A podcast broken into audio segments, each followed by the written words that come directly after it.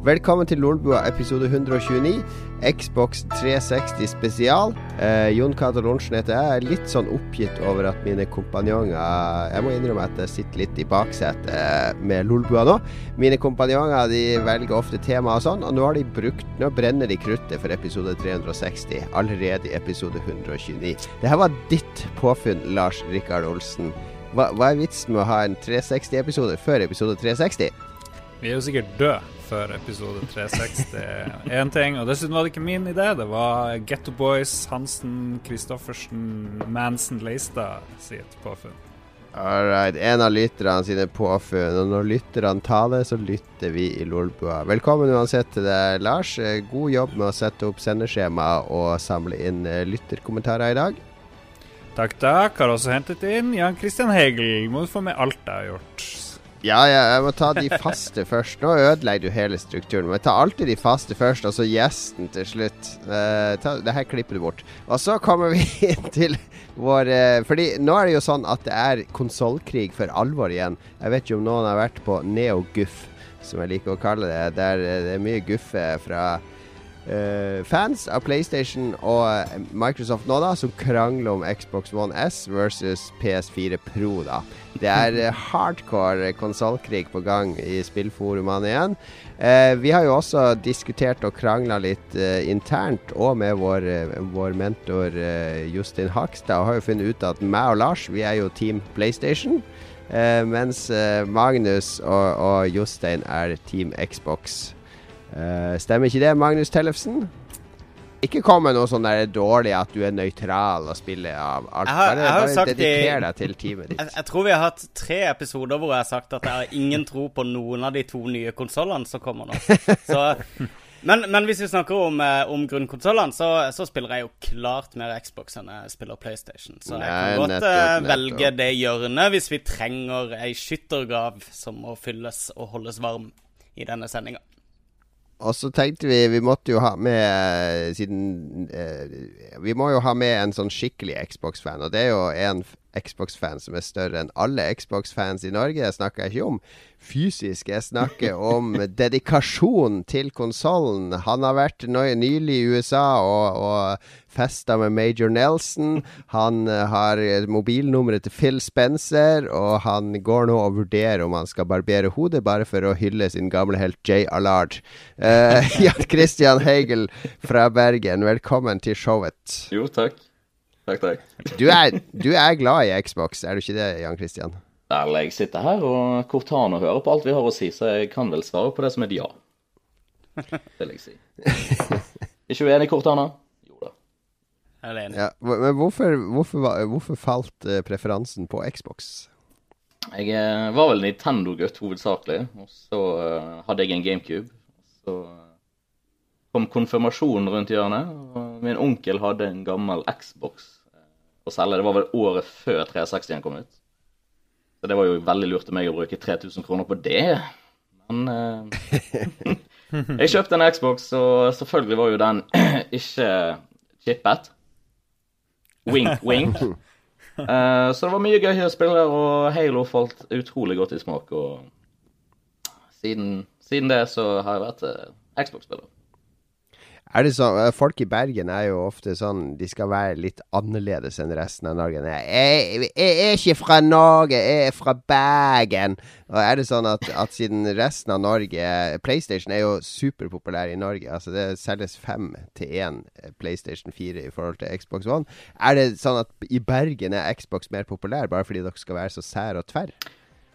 jeg føler av og til at jeg går ganske aleine, selv om jeg sier sånn. Men, eh, men, kanskje mine nærmere venner har vel jeg eh, kanskje greid å få over. All right. Eh, veldig hyggelig å ha deg med, i hvert fall. Vi har via hele sendinga til Xbox 360 denne gangen. Vi skal snakke om eh, en av tidenes eh, beste konsoller, vil jeg påstå. I hvert fall mest gjennomførte, til tross for at den hadde en gedigen eh, fatal feil som vi kommer tilbake til eh, litt senere. Det blir Xbox 360 for alle pengene i dag. Eh, er du Xbox-fan, så kommer du til å kose deg. Hater du Xbox, så kanskje kan du lære en ting eller to. Det er ikke noe vits å hate et stykke maskin. Eh, det er helt irrasjonelt. Så eh, heng med etter denne låten, som selvfølgelig er fra et Xbox 360-spill. Meget spent på om du kjenner igjen spillet. Er vi tilbake.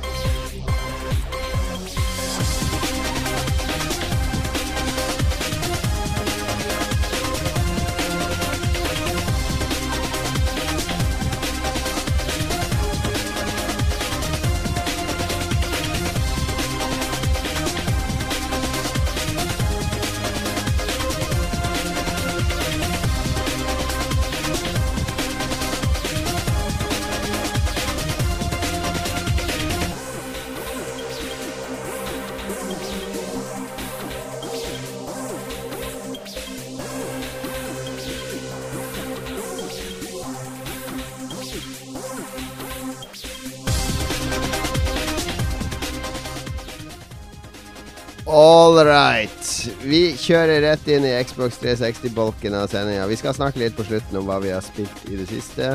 Uh, det er vel ingen av oss som har spilt Xbox 360 i det siste, så det blir, det blir Xbox 360 frisone.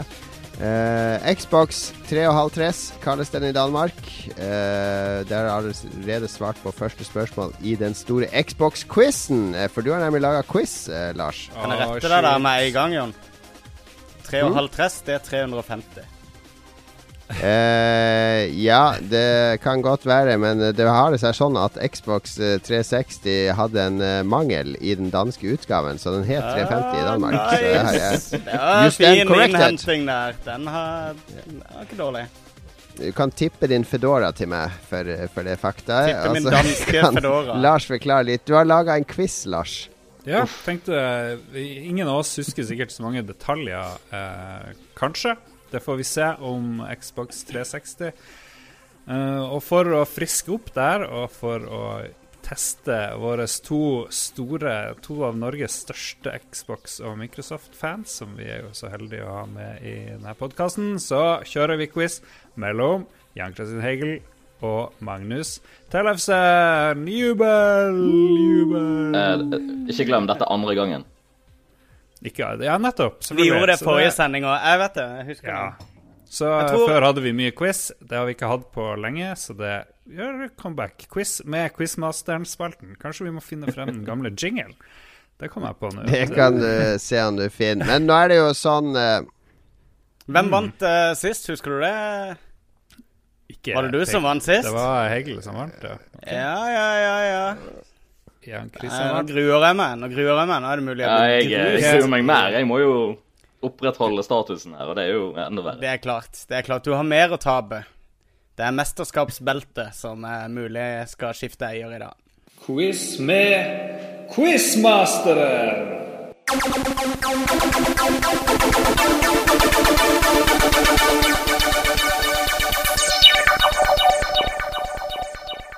OK, spørsmål nummer én da Hvordan gjør vi quizen? Svarer vi begge to samtidig, eller hvordan Nei, det er jo veldig vanskelig radio- og lydteknisk å svare samtidig, så vi må nok ta det liksom én om gangen. Så dere får bare notere ned, finne et, et dokument eller notere i hodet, og så er dere bare ærlige, så får dere svare annenhver gang eh, først. Så blir det veldig, veldig rettferdig.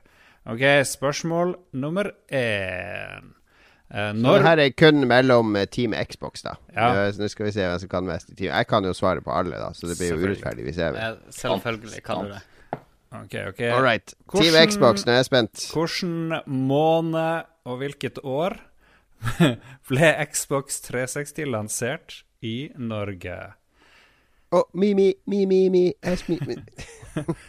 Og dere får noen sekunder på å tenke på svaret. Mens vi har litt sånn liflig quizmusikk i bakgrunnen, kanskje. Satser vi på. Jeg ser uh, Magnus har muta sin mikrofon. Jeg så der på leppene hans at det var Bing! When was Xbox 360 eh, launched in Norway? Okay.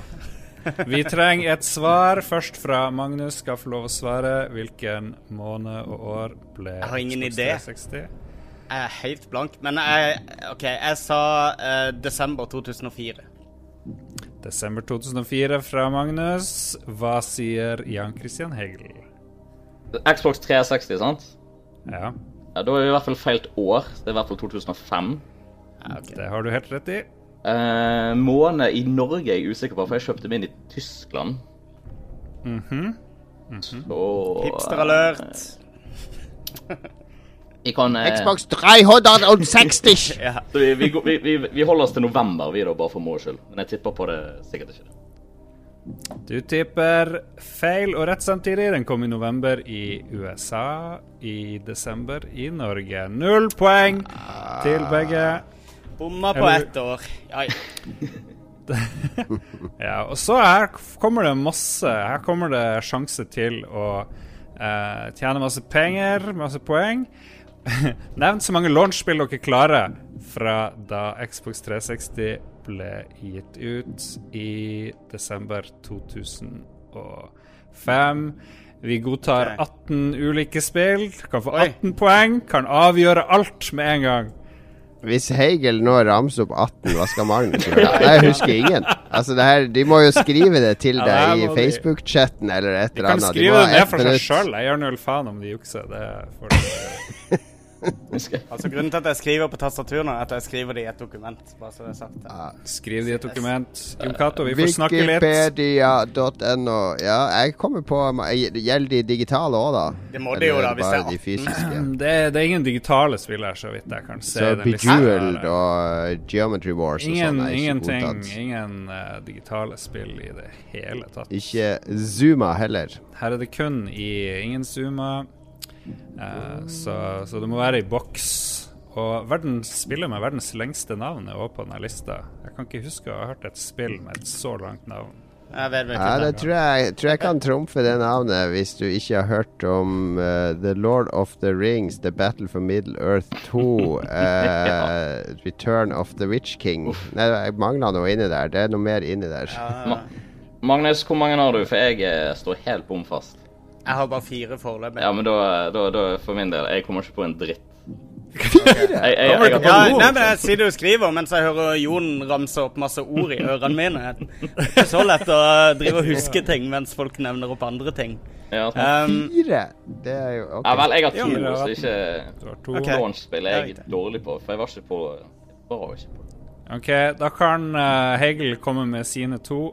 Vær så god. Project Gotham Racing og Lost Planet. Jeg? For det Lost. Planet var mitt var, første var Lost Planet 360-spill. eh, launch? Var, Uh, Lost Planet var ikke launchspill. Nei, Nei, Det- Project Gotham Racing får du. Du kan få rett for det. da. Project Gotham Ja. Racing. Hvilket nummer i rekken? Tre. OK, da får Hegel et poeng. Fikk han poeng for det at Jon Cato svarte for han? OK, hvis det Jeg Det sa jo det, så hjelpe han. Kunne ett lårspill, herregud, og han er gjest. Han er regjerende mester, vel å merke. OK, jeg kan ramse opp mine fire. Uh, Dead or Alive, Perfect Dark Zero, Fifa 06 World Cup og King Kong. Fifa 06 er rett. Perfect Dark Zero er rett. Det heter ikke World Cup, det heter bare Fifa 06. Nei, det var det Road to World Cup, eller World Cup-spillet. Med Ronaldinho på coveret. Ja, kanskje det var Ja, det forskjellige, det. Var et navn eget, det var et eget Fifa-spill som kom på Xbox 360. Og de to andre du sa, hva, hva var det for noe? King Kong og Dead or Alive. uh, ikke noe Dead or Alive, så vidt jeg kan se, men Peter Jacksons King Kong, The Official Game of the Movie, som er Ja, jeg vet. en Ja, eller, lang det er da Peter. Jackson Presents uh, King Kong The Official Game of the Movie, eller noe sånt. Men Ja, eh, to, Dead or Alive to var Magnus. Tre poeng til Magnus, ett Du, til var ikke Dead or Alive Det var jo en launch-tittel. Ikke i min liste, beklager. Det blir Ja. Det var jo mye glemt. Altså Cameo, hvor var det? Ja, ja, ja, ja. Eh, du- Condemned, for eksempel. Ja, ja. Som var jo en av de kulere launch-titlene. Det var det eneste virkelig. Eh, jeg, jeg må også nevne en ting. Jeg var 15 da, så uh, jeg var litt opptatt med andre ting enn gaming på den tiden. Hvis dere bare hadde sagt NBA og NHL og Madden, så hadde dere også fått masse poeng. Ja, To, men, eh, to NBA-spill. og så videre. Rich osv. Racer 6, Tiger Woods, ett eller annet. så da er det 1-0 til Magnus. Eh, ja, eller jeg lovte han jo ett poeng for hver. slett. Ja, 2-1 da. To, 2-1. Jesus! 2-1. Jeg skal ha tre poeng, Hvordan er av konkurransen rettferdig? da? 3-1. 3-1. Rykker kraftig fra. OK, vi må bli ferdig med det her. Hvor mange konsoller ble det solgt av Xbox 360 i verden? Den som er nærmest, får rett. Begynn å tenke på hvor mange Xbox det ble solgt i hele verden fram til en eller annen gang i 2016. Frem til en Hvor mange ulike versjoner, eller antall solgte Det var antall du mener. konsoller? Antall Ja, konsoller. Jeg, jeg Hvor mange millioner? idé. Ok, Jeg har, jeg har ikke et begrep engang om eh, hvor jeg skal begynne. Ja, ok. Ja, det, han har jo røpa at det er snakk om millioner, da. Ja, det er over en bare si fire, du. Um, men Eller 360. Um, Ja, 360 milliarder, tror det. Skal vi se. Det er, Men, det eh, Magnus som skal svare. Vær så god, Magnus. Igjen? Uh, jeg vet ikke. 60 millioner. 60 millioner, sier Magnus. Med alle versjoner. Hva sier Hegel? Eh, jeg skulle se, jeg lurer på om det siste var 79, men jeg går for 80, 83. Og korrekt svar er 84. Perfekt oh, svar! nice. Nice, nice. Bra, Hegel. Det er 3-2. Da får han, uh, får han like mange poeng som For antall millioner. For 84 millioner poeng for det svaret der. 84 mot 2. Jeg leder. Skal vi se. Men nå kan man få, få litt, ta litt igjen her. Skal vi se. Hvor mange av de 84 millionene ble solgt i Japan? Hvor mange konsoller ble solgt i Japan? ok. Ja, det var proff proff quiz-greier der med å følge opp Ja, spørsmål. ja, ja, ja. Det, det er veldig, veldig bra. Det er sånn som meg og Magnus begynte med tre år ute i quiz.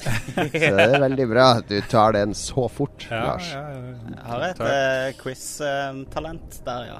Lært fra de beste. Ok, da er det Hegel som skal svare først. Hvor mange av de 84 millionene ble solgt i Japan? Nærmeste vind Jeg eh, tror jeg sier fire. fire millioner. Jeg Eller sier- fire stykk. Nå er det jo bare Magnus, du sier jo du enten eh, tre, tre millioner 999 999 eller fire millioner og én. Men jeg kan, jeg kan si fem millioner. Jeg tror det er høyere. Jeg tror det jeg tror du sier fem? Okay, Ja, hvis, det er, hvis dette er frem til 2016. Ja. Det er solgt 1,6 millioner Xbox Oi. 360 Oi, Oi, oi, Det er dårlig. Poeng til meg. Ja, ja, ja. Da er det, da er det offisielt 3-3, faktisk, i quizen. Så det er spennende. To spørsmål igjen. Uh, hva het lagringsmediet som man kunne bruke med en tilleggsdings på Xbox 360, som til slutt måtte gi tapt for Blu-ray, som jo PlayStation 3 ja hadde? det jeg. Vet det. Uh, husker begge det? Begge to Ja, det? jeg har den. Tillegget. Eh, Magnus, Det var du ikke, skal var, svare var først. ikke et lagringsmedie, det var et Ja, avspillingsmedie. Beklager. Beklager. Ja. Du kunne jo Det var- det ble jo lagra på det men OK. Det var, nei, du du kunne ikke lage på det. Alle trodde at dette mediet skulle vinne fordi pornobransjen valgte det. Og siden de hadde valgt eh, VHS over eh, Betamax forrige gang, så trodde alle at pga. det så ville HD-DVD stikke av med seieren denne gangen. Og det vet vi jo at ble feil. Mm, og hva var svaret? Sa du det? Ja, han sa det. Han sa det. Sa det Ok.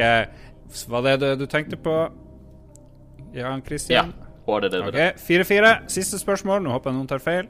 Eh, Eller så eh, Jeg er klar med tiebreaker. ja, bra. Hva var kodenavnet på Xbox 360 før den ble gitt ut? Akkurat som PlayStation 4 Pro het Neo før den ble gitt ut.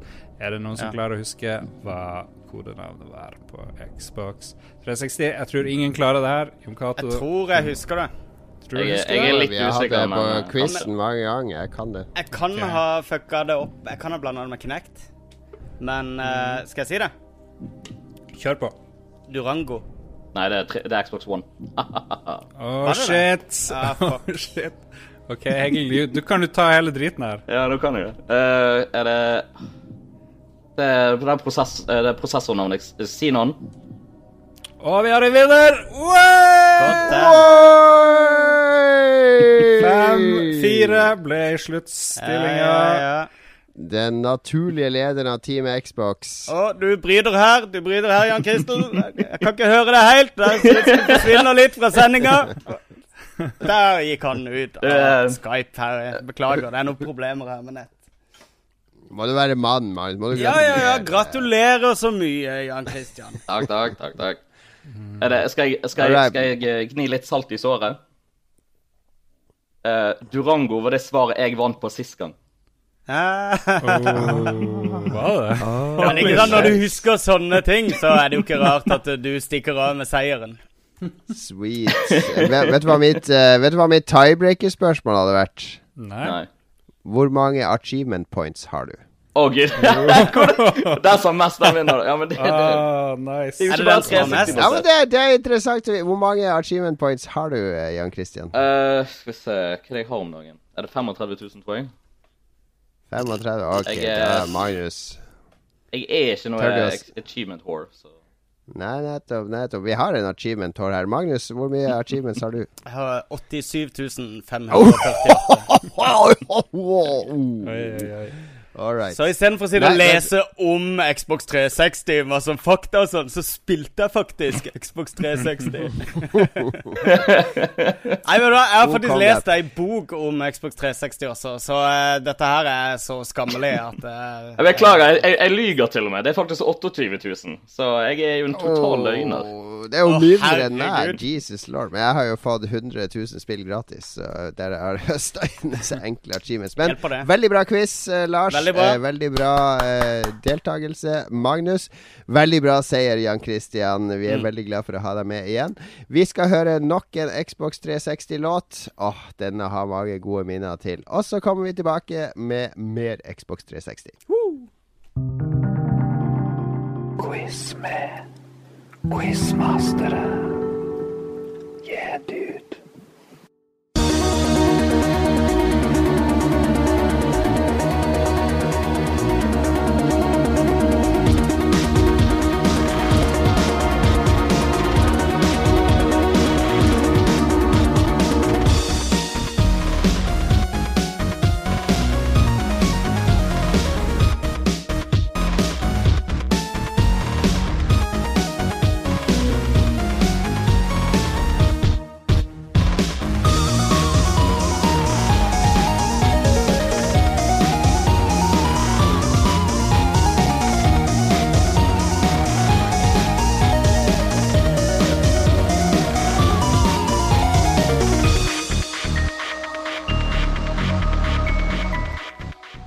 Super Meatboy-låt der, altså. Kjære venner, vi husker alle det Xbox eh, indie-spillet veldig godt. Eh, morsom fakta med Super Meatboy er jo at eh, det er veldig bra musikk i det spillet. Det tror jeg alle er enige om som har spilt det. Eh, Litt sånn retro, eh, trip-hop, hiphop, funky, morsomme sanger. Når de skulle porte det til Vita, så han musikeren var visst litt sånn uh, sær og grisk, eller så hadde han en agent. Men det, han skulle i hvert fall ha uhorvelig mye penger for den håndholdt-versjonen av spillet. da Så det spillet har annen musikk på Vita. Oh. De, eh, de ga opp, og de ville ikke gi han så mye penger, så de bare leide en annen musiker til å lage egen Vita-musikk til Super Meatboy på, på Vita. Så hvis du er hardcore Super Meatboy-fan, så bør du jo også oppsøke Vita-versjonen, bare for å få det komplette soundtracket til spillet. Vi skal uh, snakke om uh, fra famlende til fantatisk. Er det det du har skrevet? Hva betyr det, Fantastisk? Lars? Mm. Fantastisk?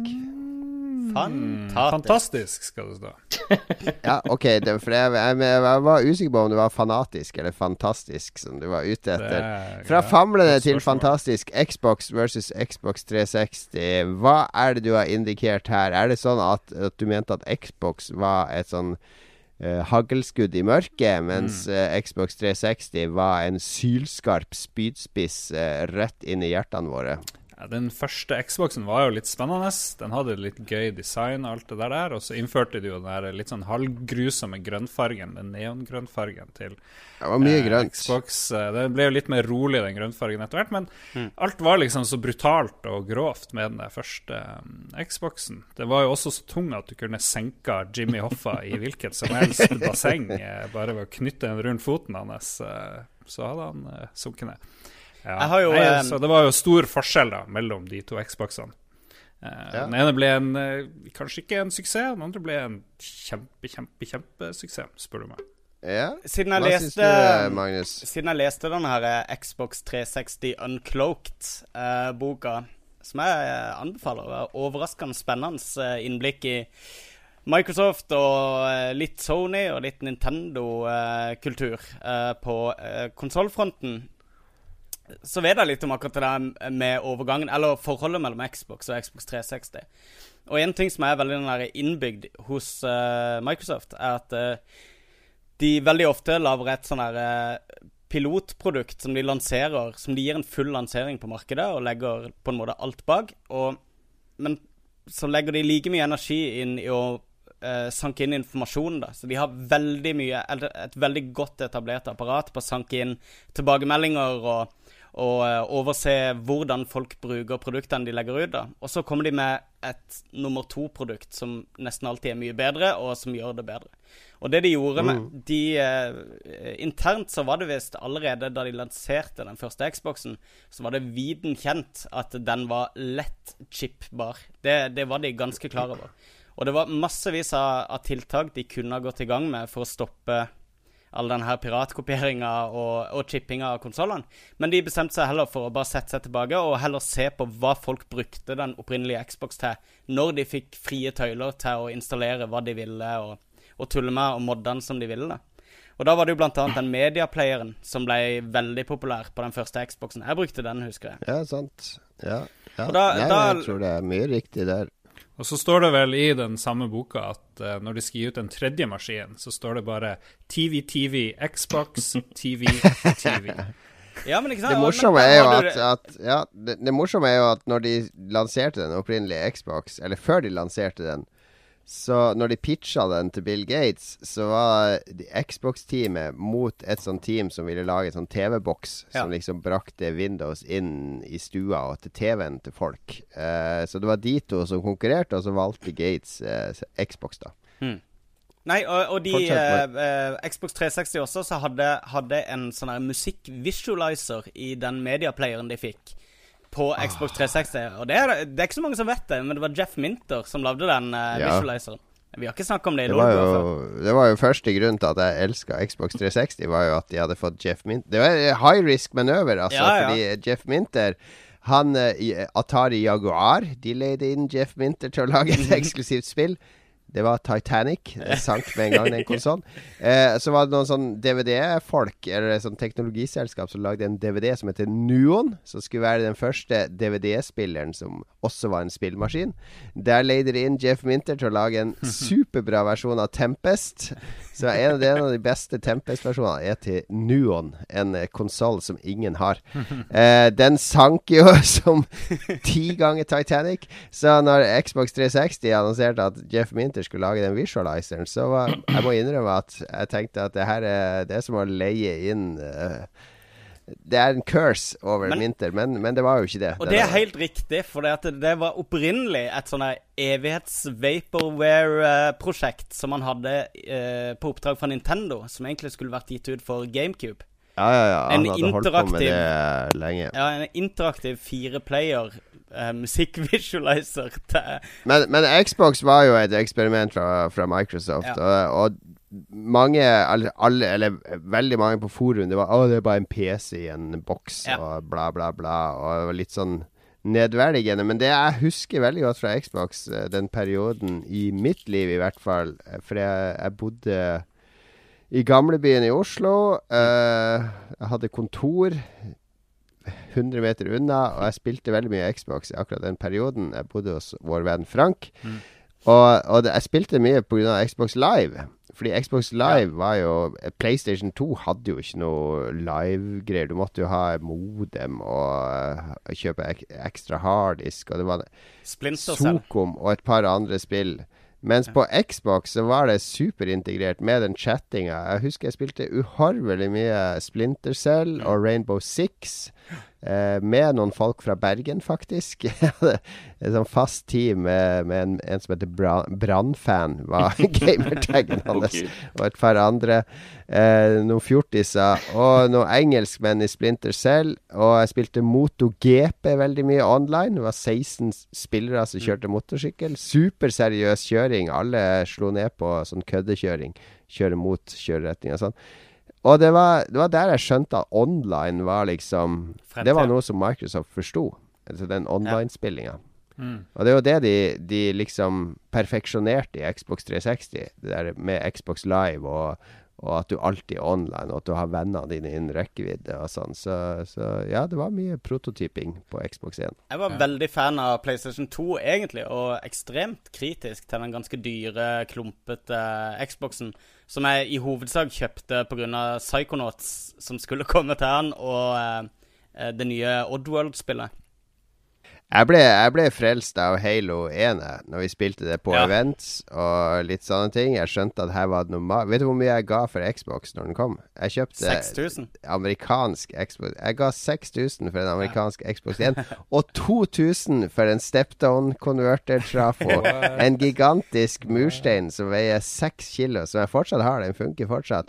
Men fordi Xbox eh, Alle sa at den Ja, du må ikke bruke sånn billig Class Olsson Stepdown, fordi det, det blåser sikringen. Den suger så mye strøm, du må ha den svære her. Så 8000 Jeg kjøpte den fra Staken, hvis du husker han, Ja, ja. eh, Lars. Staken drev og importerte eh, Xboxer fra USA, og det var Det angra ikke et sekund. Nei. Spilte Halo i fire måneder i strekk. På nytt og på nytt og på nytt. Det var det fjerde ti av ti-spillet i Edge, husker jeg, noensinne. Men det det store vendepunktet med Xbox for min del For jeg var som sagt stor fan av PlayStation 2. Men da kontroller S kom, da de lagde den lille Ja. versjonen av håndkontrolleren, da snudde alt for min del. Da var det liksom Ja, hvis du vil ha akkurat de samme spillene som på PlayStation, bare mye penere og smoothere, så, så spiller du de på, eh, på Xbox. Og det var Nå tar vi, nå tar vi alt fra Xbox-sendinga vi skal ha en gang senere, så vi må hoppe til Xbox Ja, 360. jo, men kontrolleren på 360 Den var fabelaktig fra dag én. Og det Ja, var fordi det var en videreføring. en av de mest perfekte konsol- kontrollerne i historien. Ja. Ja, og så var det det som var lett å bruke menyene. Jeg husker jeg var så lei av det jævla trasige cross media, hva nå enn den heter, den der eh, PlayStation-løsninga hvor du kunne ha til høyre og venstre og opp og ned. Mens det var veldig oversiktlig og lett å bla i det Blades-interfacet til Xbox 360, som ble litt dårlig etter hvert, og som er helt forferdelig nå. Jeg likte på- Blades. Jeg liker fortsatt Jeg savner Blades. Ja, nei, jeg, jeg sier Blades var, var de beste, og så ble det litt verre. Og så nå er det jo helt forferdelig på Xbox One, hvor jeg ikke skjønner noe som helst av menyene i det hele tatt. Ja, de, de er grusomme. Men Jan Christian, du kom inn. For du kjøpte jo Xbox fra din onkel. Eh, han svindla deg, skamma deg. Han er nå Al- eh, Det var vel 50 pluss spill pluss jeg vet ikke, noen par tusen sanger. du, fi, du og- fikk en del valuta for pengene, det fikk du. Og så kom Xbox 360 like etter, og da i løpet av det året du spilte Xbox, så var, hadde du rukket å bli sånn Xbox-fan. Når var det du tok steget fra den konsollen du hadde kjøpt ved konfirmasjonspengene, og fikk lov fra mamma og pappa og uh, avisbudjobben din Ja. for Bergens Tidende Fikk lov og råd til å, Ikke Bergens å, å Tidende. oppgradere. Bergensavisen. Ja. Eh, Når var det du gikk over til 360? jeg lurer på om hvis jeg husker riktig nå, så var det Jeg er jo fra Tyskland òg, eh, så vi hver sommer så reiste vi til Tyskland. Og da hadde jeg for en eller annen grunn eh, funnet ut at eh, det, ja, det er en eller annen tankegang. I Tyskland er alt billigere enn i Norge. Det er bare sånn det er. Så jeg lurer på om det var i august Eller ja, august 2006, faktisk. Men jeg hadde ikke HD-TV, så når jeg kom hjem den sommeren, så koblet jeg opp på den gamle, lille, lille SD-TV-en jeg hadde, som fungerte OK. tenkte jeg ja, men dette er jo bra nok. Og så flyttet vi, og så hadde mine foreldre kjøpt seg en HD-TV, en stor en. Så jeg tror det var ferie, så hadde jeg tatt ned 360-en og koblet opp det, og det var liksom Oi, helvete. Dette er jo en helt annen verden. Er det sånn det skal se ut? Så det ble jo litt sånn eh, satt av der, da. Men eh, det var vel i 2006, august eller noe sånt. Så jeg husker riktig. Hei, tiårsjubileum! Ja. Nice. Tror, tror du at det blir samme effekten nå med, med Xbox One S og HDR 4K? Oppskaleringa, den samme sånn at du føler at du sitter med svarteper når du sitter med den gamle 1080P-skjermen din. Jeg er litt usikker, men HDR er jo det det er snakk om hele tiden. Jeg måtte bare se litt på TV-en min, bare er jeg fornøyd? Eh, men eh, til nå så er jeg fornøyd, så eh, jeg har ikke opplevd HDR ennå.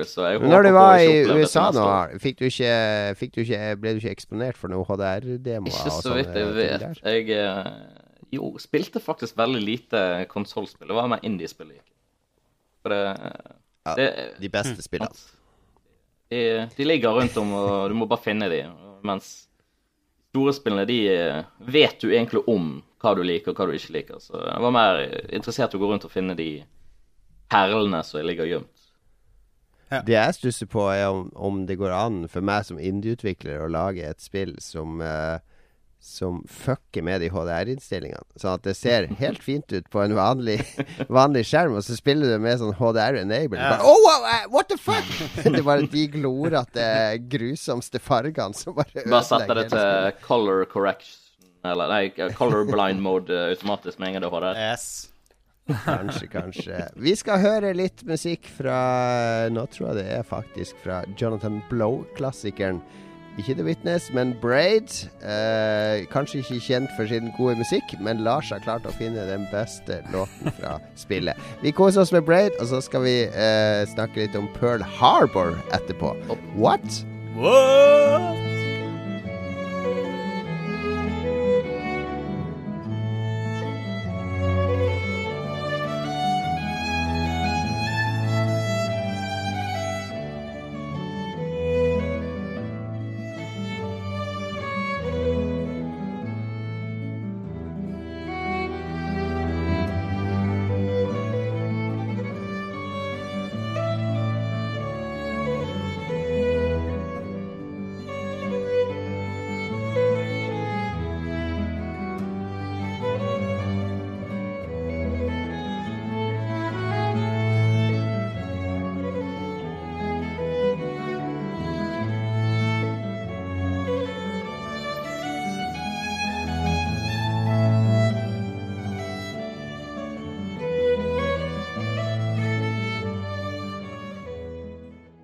Pearl Harbor i revers, har Lars eh, Rikard Olsen skrevet her. PlayStation 3 versus Xbox 360. Hva er det du mener med det her? Hvorfor drar du frem et av de mest brutale angrep i historien? Hvordan kan du eh, trampe på likene i eh, USAs eh, havn i Hawaii på denne måten, eh, Lars? Bare for å gjøre et poeng ut av en simpel konsollkrig? Ufint.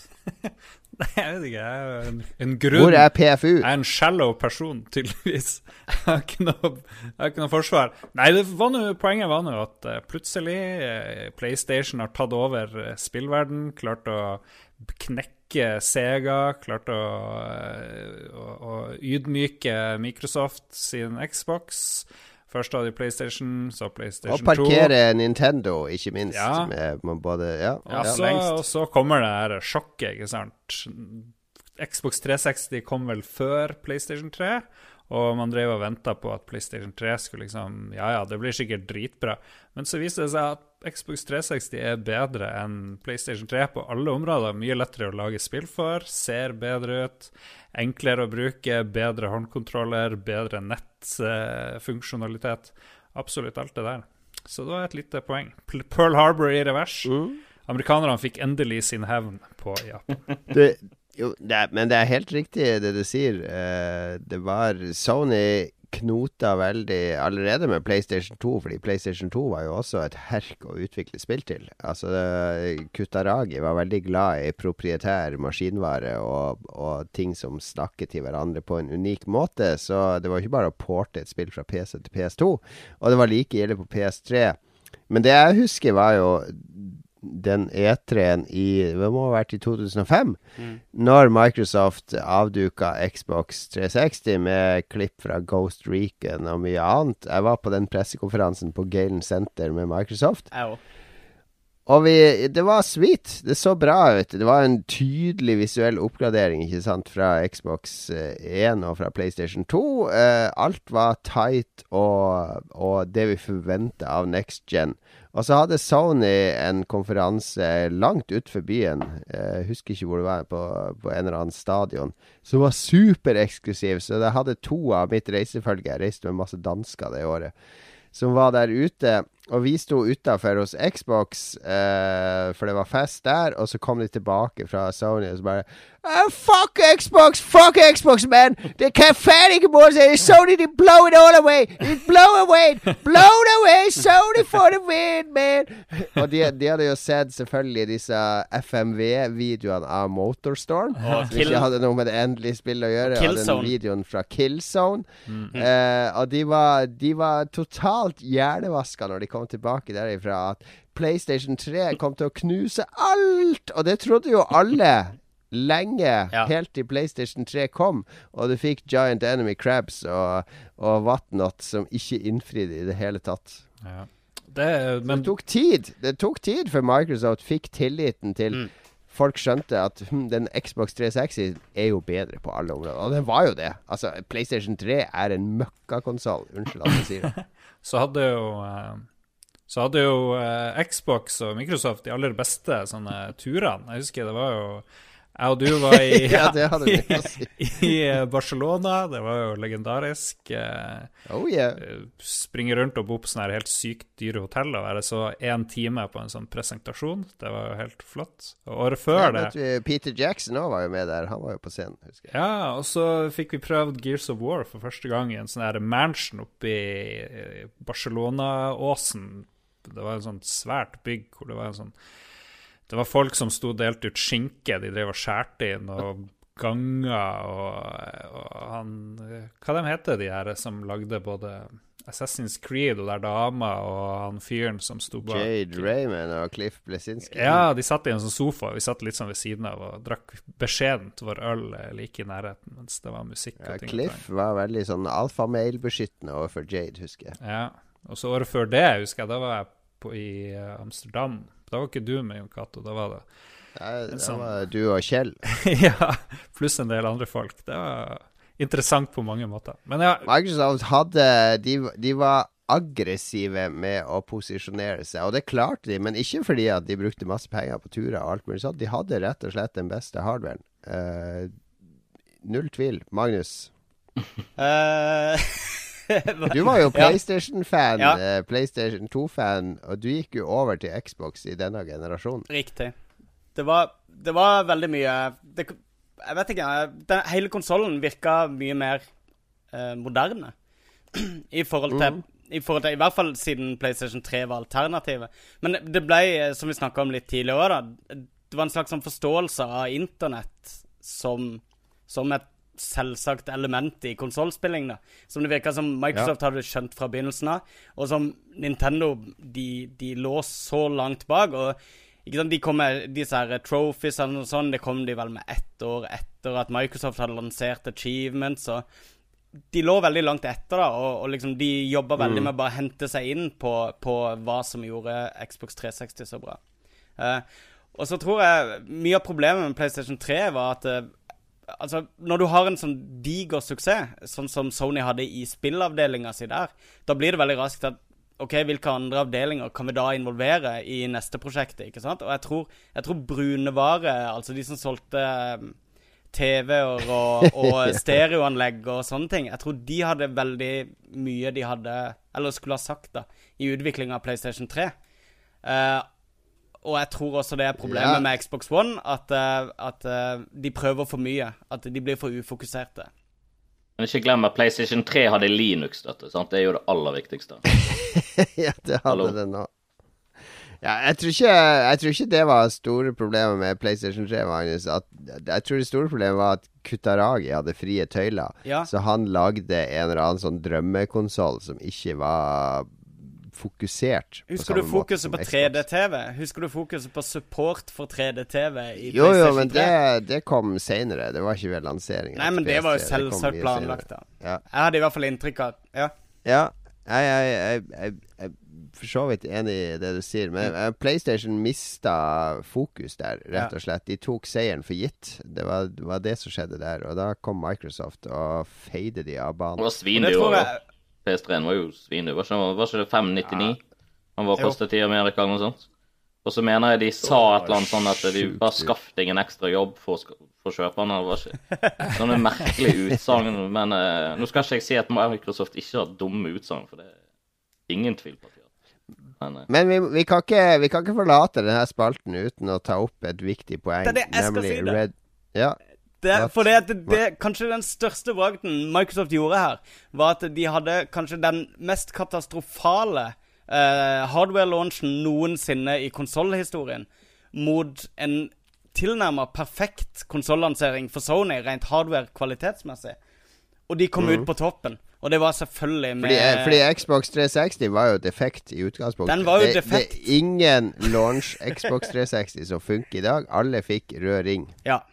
Og hva var det som var feilen? Det var, det var at eh, kretskortet, eller det hovedkortet, bøyde seg når det ble for varmt, var det ikke det? Og at det var noen loddinger som røyk. Og du fikk fant ut av det etter hvert, men det var jo Det er ganske imponerende at de klarte å holde seg på toppen til tross for at samtlige konsoller ble defekt innen tre-fire år. Men det er takket være god support fra, fra Microsoft med Nettopp. utrolig bra garantier. Her kan Ja, jeg hente var- inspirasjon fra Tellefsen eh, AS, fra mine foreldre. Min mor er veldig opptatt av det og sier at eh, hvis vi har defekte sko, så, så er ikke det nødvendigvis negativt for oss. For at eh, hvis du leverer god service på, på defekte varer, så er det nesten bedre enn å bare ha ett salg. For da har du to kontakter med kunden, og hvis du alltid sier ja, så vil de alltid komme tilbake seinere og bruke penger hos deg. Og det Microsoft Det gjorde helt, det er helt sant, Magnus. Det Ja. Microsoft skjønte det, og det var jo Peter Moore som satt hos Microsoft når alt det her skjedde. Som var Xbox-sjef eh, at J. Allard. Og det er en veldig bra podkast, eller jeg vet ikke om podkast er bra. IGN hadde en veldig bra podkast, jeg tror det var rundt E3 i fjor, eller, eller i år, eller i forfjor. I år eller i fjor? I fjor. Der han De, de hadde klart å samle uh, De hadde Seamus Blackley, som jo var mannen bak Xbox den aller første. Uh, Peter Moore, som jo var Xbox 360, Xbox-mannen i de fleste årene. Og Phil Spencer. De tre som gjester, da, ikke sant? Som snakker ganske løst om hele Xbox sin historie. Og Peter Moore forteller der om, om hele den greia med Red Ring of Death. Uh, hvordan når de skjønte at det her kom til å ramme alle Xbox-eiere, og vi- er fucked Tenk den følelsen. hvordan, kan vi, hvordan skal vi fikse det her? Altså sier de OK, vi kan få en avtale med FedEx Jeg husker ikke om det var Fed, Det var FedEx, tror jeg, eller UPS. Som de fikk en avtale med. At Ja. folk ringer inn 'Jeg har en ødelagt konsoll'. FedEx kommer på døra samme dag, omtrent, med en eske. Putt den oppi her. Og de har en ny konsoll dagen etter. Det var den avtalen de ville få til. Fordi hvis de kunne få til det, så ville folk tenke 'wow, for en super service'. Yes. Men så var jo problemet hvor mye koster en sånn avtale. La oss se hvor mange vi har solgt. Vi vet at alle de her kommer til å bli rutinert på verdensbasis. Ok, total kostnad 1,2 milliarder dollar for å gjennomføre det her. Så, så Peter Moore forteller i den podkasten Jeg anbefaler folk til å høre Ja. bare den historien. Er sånn gåsehudgreier. Han drar til sjefen, som jo på den tida var, var han Ballmer, Steve Ballmer, og legger fram hele greia. Det her er det som skjer. Eh, Xbox 360 er en suksess, men vi ser nå alt kommer til å bli defekt. Eh, hvis, vi, hvis vi gjør det her, så kommer vi til å beholde tilliten hos kundene. Mm. Og Ballmer bare OK, hvor mye kommer det til å koste? 1,2 milliarder dollar. Altså, det er sånn Ballmer er stille i sånn seks sekunder og sånn Do it! Do it! Det er, det er CO-en sin, det. Ja, det, er, ja, ja. det er min uh, CO-inspirasjon. oh, Gud. Ja, det er fantastisk. Men det redda jo hele launchen, da. Tenk om de hadde Og Sony har jo en sånn notorisk sånn eh, trang support som er vanskelig å, å komme gjennom. Det husker jo vi som jobba i Ja. butikk, Magnus, når Åh. folk kommer med defekte PlayStation Ja, du må 1 ringe eller PlayStation selv. 2. Ja, og fylle ut det skjemaet her, og så Hvor lang tid tar det? Ja, Det kan ta sånn fire til seks uker før du har maskin tilbake. Det var jo helt eh, Det var bare fuck you, liksom. eh, Direkte. Husker du når det var slutt på første versjon av PlayStation 3? Den, eh, den er bakoverkompatible. Da kan du ta opptil et år og få en erstatningskonsoll. Nei, nei. Ja. Microsoft vant alt med Xbox gjorde det. 360. De vant hjerter, og de vant uh, teknologisk seier. Så uh, all ære til de for det. Vi skal snakke om uh, noe annet som Microsoft gjorde veldig bra med, med Xbox 360 rett etter denne låten her.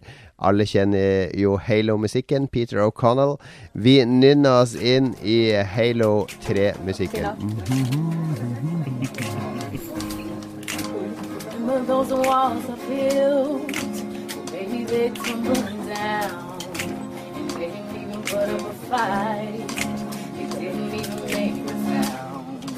I found a way to let you in, but I never really had a doubt. Of your halo, I got my angel now. It's like I've been awakened. Every rule I had you breaking. It's the risk that I'm taking. I ain't never gonna shut you out. It's everywhere I'm looking now. I'm surrounded by your embrace. Baby, I can see your halo. You know you're my saving grace. You're everything I need and more. It's written all over your face. Baby, I can feel your halo. I pray it won't fade away. Indiespill er det vi skal snakke om nå. Eh, noe jeg selvfølgelig blir veldig glad for, siden jeg er leder for et indieselskap. Eh, Jan Christian, du jobber jo også tett med mange indies i Bergen, har jeg skjønt? Ja, jeg vil si det, men jeg får ikke betalt, da, sånn som du gjør. Men ja, ja. Nei, men det, det, må, det er mye frivillig der. Men kan, kan ikke du si litt uh, før vi Nå har vært Xbox Vi har veld, veldig fokusert. Det er veldig det er bra, da. eh, I sendinga. Men kan ikke du snakke litt om indie-scenen i Bergen nå? Åssen ser den ut? Jeg syns den ser ganske bra ut, og egentlig bare blir bedre. Eh, jeg er jo også Jeg er jo leder for Bergen Game Jam, så det er godt å se veldig mange folk som dukker opp som du egentlig ikke har sett før, som har interesse for å lage spill, om, er- som er fra Bergen. Så det, det er jo et eh, en underground scene, holdt jeg på å si, som jeg ikke vet om sjøl. Ja. Eh, virker det som av og til. Eh, plutselig så dukker det opp et studio som du kjørte om. Og så bare Oi, hvor er de fra? Oi, de er fra Bergen? Nei, hæ? What? Det har ikke hørt om. Så det er jo kjempegøy. Så vi har jo sånne kjempestore som du har eh, Dirty Bit, som utgir Fun Run. Så har jo du sånne Ja, de, de, de var jo bergensere, men så de bodde jo i Trondheim. Men nå har de jo endelig re, Altså, når jeg ble sammen Jeg var gift med en bergenser, kan jeg røpe her og nå. Vi bodde i Oslo. Jeg fikk et advarsel fra min venn som hadde bodd i Bergen. Han er nordlending, han òg. bare Du må ikke drive med bergensere. Hvorfor ikke det? For de skal alltid tilbake til Bergen. altså, du kan ikke En bergenser kan bo i Oslo i mange år, Trondheim i mange år. De vender alltid tilbake til Bergen. Er det sant? Det virker, virker som det. Jeg, eh, jeg studerte jo på Østlandet en periode, jeg òg, og nå er jeg tilbake i Bergen, liksom. Så eh, 100 av 100 er riktig. det er prosent. Hvordan, hvordan går det med Brann for tida? Har ikke peiling, følger ikke med på fotball. Hva? Jeg, jeg tror det går dårlig. Det bare går jeg ut ifra. Du vet at, eh, du vet at Lars har jobba i Bergens Tidende? Mm, Nei, det vet jeg ikke. En sommer, bare. Ja, Det var interessant. Man må skrive sånn rar utgave av norsk hvor det ikke fins hokjønn. Det var helt sprøtt. Det var sånn, Du kunne kanskje skrive 'geita' eller noe sånt. Det var det eneste. Eller du, du kunne nesten ikke skrive 'jenta'. Det var 'jenten'. Det var, Ikke 'janto'? Nei da. det var det jeg hadde. Takk for meg. All right. Men, uh, men det skjer ting i Bergen i nær fremtid òg. Det er jo konsoll Ja. uh, for femte år på rad, tror jeg. Og det er celebert eh, besøk i Det år. blir gøy. Det blir gøy. Er du, er du involvert i arrangementet, Eh, eller skal du bare besøke Ikke det? i år, men mer til neste år, tror jeg. Jeg har ikke vært så tett innpå i år. Ja, ok. vet du, hvem, du vet hvem som kommer i år? Jeg har, var jo nettopp i Seattle og møtte noen av dem. Så Ja. Tim Shafer kommer, så han møtte jeg. Prata litt med han. Uh, Greg Rice kommer, også fra Double Fine. og de der. Så det var vel de folkene jeg traff litt og prata med. Det var veldig gøy å bare hilse på. Ja. Og, og ikke minst Disaster Piece kommer Ja. jo. Mannen som lagde musikk i Fess og filmen It Follows. Og veldig, veldig flink spillmusiker. Han lager også musikken i uh, Hyperlight Drifter, som Lars liker veldig godt. Ja, riktig. Begynner å ligne litt ble- på hverandre, den der Disaster Piece-musikken. Det er litt sånn Ja, OK. Han har jo en egen stil, det har han. Men uh, jo, nei, men det skjer mye i Bergen. Jeg skal dit, jeg òg, til konsert. Ja, men Da treffes vi der sånn som vi gjorde i fjor, da, vet du. Blir vi en selfie da òg. Mm, Ja, da kan vi endelig snakke, snakke ut om Lars og Ja, Magnus. sant. Det kan vi ikke her på lufta. Så, så det blir deilig. Jeg gleder meg til det, Jan Christian. Uh, Indiespill på Xbox 360. Det var jo ikke-eksisterende på verken PlayStation 1, PlayStation 2 eller Xbox eller noe som helst. Eh, det å gi ut spill som en uavhengig utvikler var sinnssykt vanskelig før. Du måtte få en kontrakt, du måtte få en publisher, du måtte eh, ut fysisk osv.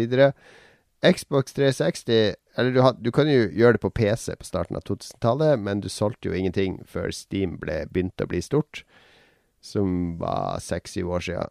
Men Xbox 360 de omfavna indies via Xbox Live Arcade. Uh, Indiespill florerte på Xbox 360. Hvor viktig var det for konsollen sin suksess? Jeg vet at jeg personlig spilte mer Zuma, som kanskje ikke er indiespill, men jeg elska de nedlastbare spillene på, Ja. på Xbox eh, 360. Og det var begynnelsen på dette her med, et, eh, med et digitalt, eh, en digital spillsamling. Som var, det var Frem til det så hadde vi alle spilt fysisk. Mm. Mm. Og, og disse Summer of Arcade Ja. som de lanserte med Xbox 360, hvor de lanserte Var det ett nytt spill i uka eller noe sånt gjennom sommeren? Ja, det var noe sånt eh, I hvert fall i fire-fem uker på rad eller noe sånt. Ja, det var, og det var Fast. kule spill som man gjerne gleda seg til, og det var gode priser på de, og ja, det var Og så var det vel rabatter hvis du kjøpte alle òg i tillegg. Riktig. Riktig. Men eh, det var jo i tillegg så hadde de jo denne her eh, De hadde jo noen satsinger som ikke gikk så bra med, med Xbox. De hadde jo denne, denne Arkadehallen. Hva, hva var det de kalte det for noe? Der du kunne gå inn og spille eh, en, det var en sånn virtual arcade-greie Ja. som jeg, jeg tror jeg la ned i hvert fall uh, 1500-2000 kroner i å kjøpe Arkadespill. Gjorde du det, min. Jeg syns det var dødskult. Jeg spilte det masse, men, eh, men det tok aldri av. Du kunne lage sånn virtuell arkadehall.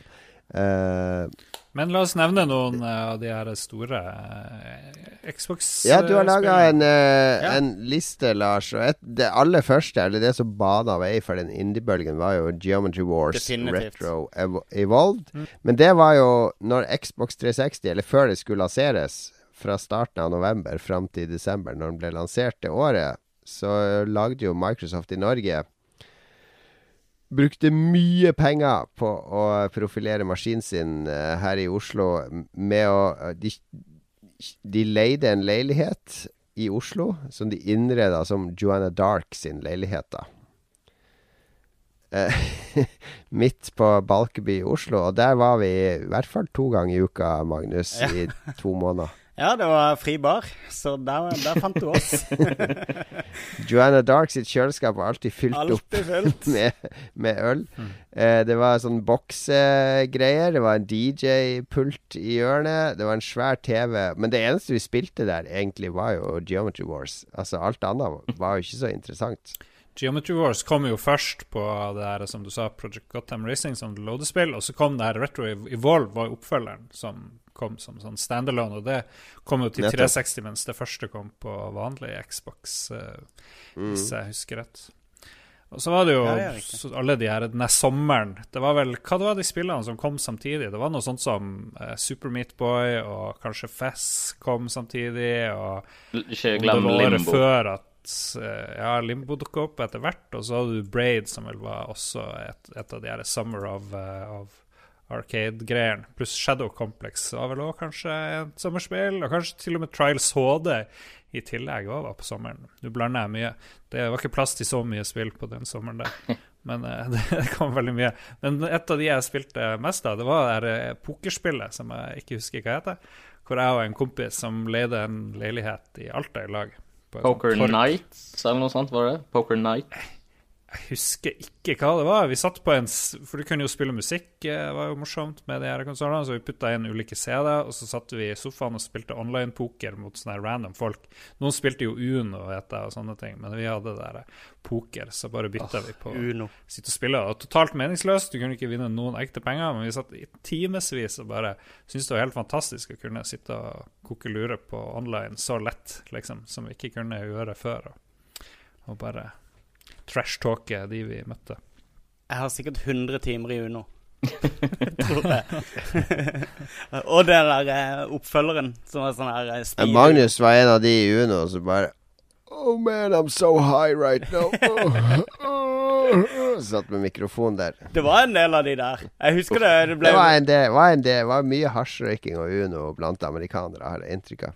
Det var det, og så var det mye drittunger som bare satt og trolla. Som, eh, som satt og slang drit i, eh, med kamera. Hvis folk ikke hadde på eh, eh, voice chat, så drev de og skrev på sånne lapper som de holdt opp i kamera. Der sto sånn 'You cunt!' og sånne ting. som det. Men, men, men Xbox var veldig Eller Microsoft var veldig flink til å invitere India til å, å jobbe der. Noe Sony ikke skjønte i det hele tatt. Så mange kastet seg over det. Men det var jo samtidig veldig uh, rigide Eller de var veldig ikke flinke til å skille mellom Activision og f.eks. Phil Fish. Var sånn Fess har en bug. Ok, 20 000 dollar, så får du lansere en patch. Ja. Eh, det, var, det var ikke gull og grønne skoger å være indie der, sånn som det er nå på konsollene, der det faktisk fungerer alt, og du, du ikke blir ruinert av å gi ut spill. Hva var det Xbox gjorde så bra som de har glemt med en Xbox One? Det føles i hvert fall som om det var noen helt andre som bestyrte hele skuta etter hvert. Akkurat sånn som eh, PlayStation gjorde fra toa til trea. Så bare føltes som om det rakna litt fra Xbox 360 når den nærma seg slutten. med, med Xbox 360, som sagt, så, så var de jo opptatt av å da bruke all den informasjonen de hadde samla inn, og liksom og skape noe nytt, da. Så de skapte en haug med IP-er. ikke sant? Mass Effect og Fable eh, Disse her som var ikke sant? store, store, store uh, serier. Som Og eh, med Xbox One så har de på en måte De har stoppa opp litt. De, de spiller bare på gamle strenger da med, med sine eksklusive titler. Og det tror jeg de sliter med. De har liksom ikke tenkt så mye på spillene. De har vært veldig opptatt av teknologien i Xbox One. Og så vil ikke folk ha teknologien når de, når de eh, lanser, eller annonserte konsollen. Så, så har de egentlig bare virra litt rundt i, i mørket, føler jeg. Frem til de begynner å, finne en stemme igjen nå, da. Men jeg, jeg tror det er problemet, da. At uh, uh, Altså, det de satte ut for å gjøre med Xbox 360, det var nøyaktig det fansen hadde lyst på. De traff veldig godt publikummet sitt. Mens det de satte ut for å gjøre med Xbox One, det var ikke det publikummet hadde lyst på. Så de har bomma litt på intensjonene sine med Xbox One. Det er jo en ny IP ute i dag. Recore. Recore, Mm. ja. Er den, ja, jo. Ja. Det er på PC. også. Ja ja, men alt er jo på PS og Xbox nå. Så. Ja, og, men det er en del av det nye Xbox, da. Eh, dette er Play Anywhere-greien, som jeg tror er super uh, fremtidsretta og Det er interessant at du sier det, Magnus, fordi Jay Allard allerede i 2005 Mm. snakka om uh, uh, hans visjon for Xbox 360 om fem år, eh, når han ble intervjua av Edge, var at spill var sånn play anywhere. Altså at du hadde et spill på Xbox som du fortsatte på på PC eller på tableten din eller eh, mobilen eller whatever. Allerede i 2005 snakka JLR Allard om det vi har nå, da. Ja. Så det, det er litt uh, morsomt. Mannen var et geni.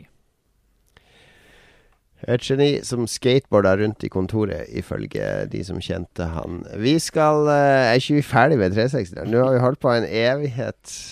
Vi har, du har lista opp en del spill du bare fikk på 360. Skal vi bare pløye gjennom det og bli Ja, ferdig? vi kan jo nevne, nevne noen av de store store seriene som du kun fikk på Crackdown 360. 1 og 2, Fable 2 osv. Forsa, som eh, Ja. Gears of War var jo debuterte jo. Det var digert. Ja. Halo, uh, Kinect, OK. Lips. Lips. Å, gud. Det var jo en kjempesuksess. eh, ja, Jeg har fortsatt en original Lips Factory Sealed til Xbox, eh, for de som vil ha.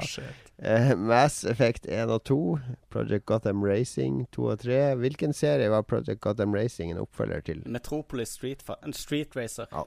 Yes! Ah, shit. På Dreamcast. Dreamcast, Dreamcast. Too Human, hvorfor har du tatt med deg Dennis Diak-drittspillet? Spilte du det noen gang? Oh. Oh my god. Å, herregud, for et dårlig spill. Vi skal høre hva våre lyttere mener om Xbox 360. En av tidenes beste spillkonsoller, ifølge oss i panelet her. Ja. Rett etter uh, denne pausen, der vi faktisk skal høre Hva er det her for noe, Lars? Har du funnet PlayStation 2-musikk? Nå er det kontroversielt her i sendinga. Vi hører denne PlayStation 2-låten fra Ridge Racer. Remember that one?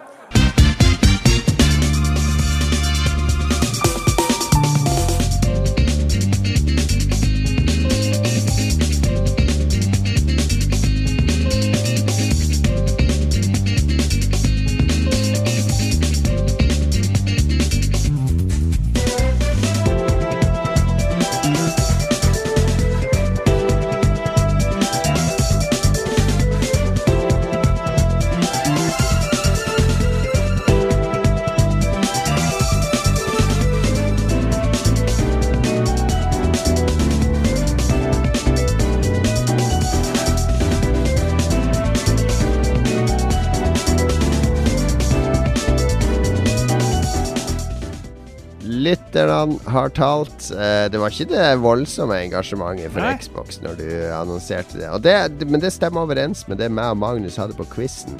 Fordi vi, er en av, eh, vi har jo en spillquiz hver måned i Oslo. Jan Christian, du må komme og være med på quizen en vakker dag.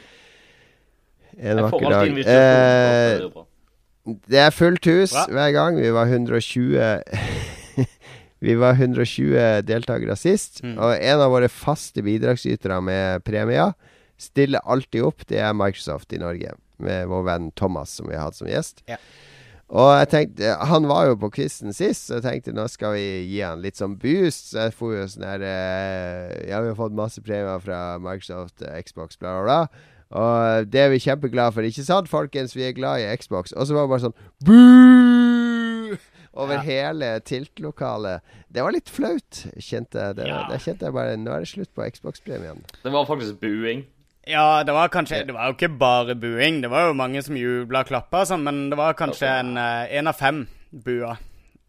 Ja, det var Du hørte det i hvert fall. Men det, det samme tenkte jeg når Lars nå spurte Ja, nå skal vi ha Xbox 360 Mini. At nå får du noen få særinger, sånn som Jan Christian, som, som faktisk har investert tid og følelse i konsoll. Fordi de fleste er jo sånne ignorante PlayStation-tullinger. Oi, oi, Det er harde sant. ord. Det er sant. Ja, ja. Harde ord, men uh, sanne ord. Uh, men la oss gå gjennom de som har respondert, uh, Lars. Led oss inn i det her. Vi, vi skal gå fort og gærlig.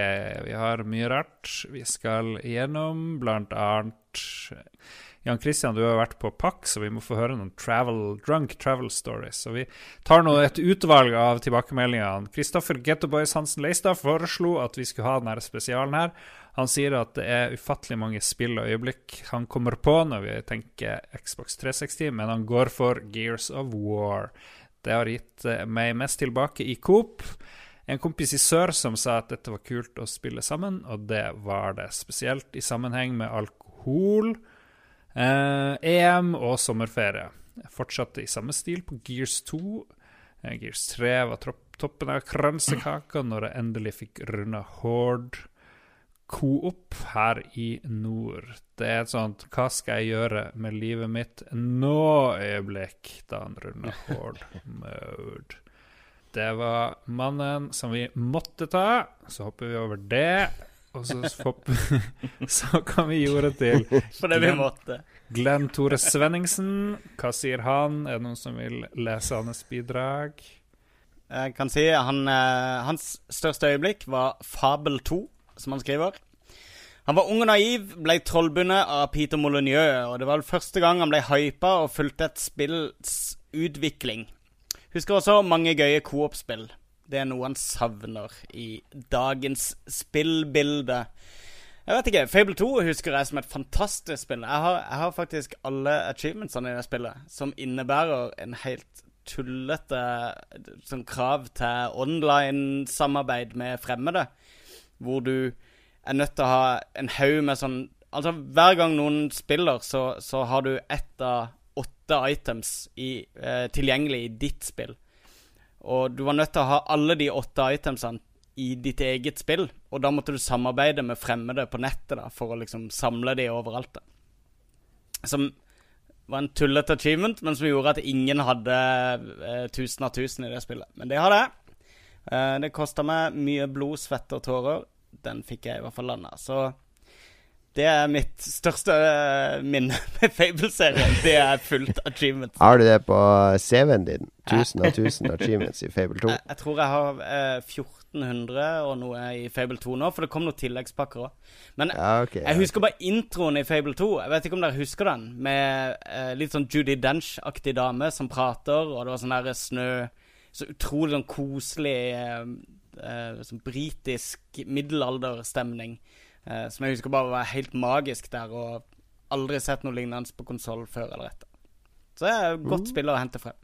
Vi får ta med han Rikard Martensen Koteng, som sier 'tidenes spillmaskin lett'! Lett! Jeg er enig, tror jeg.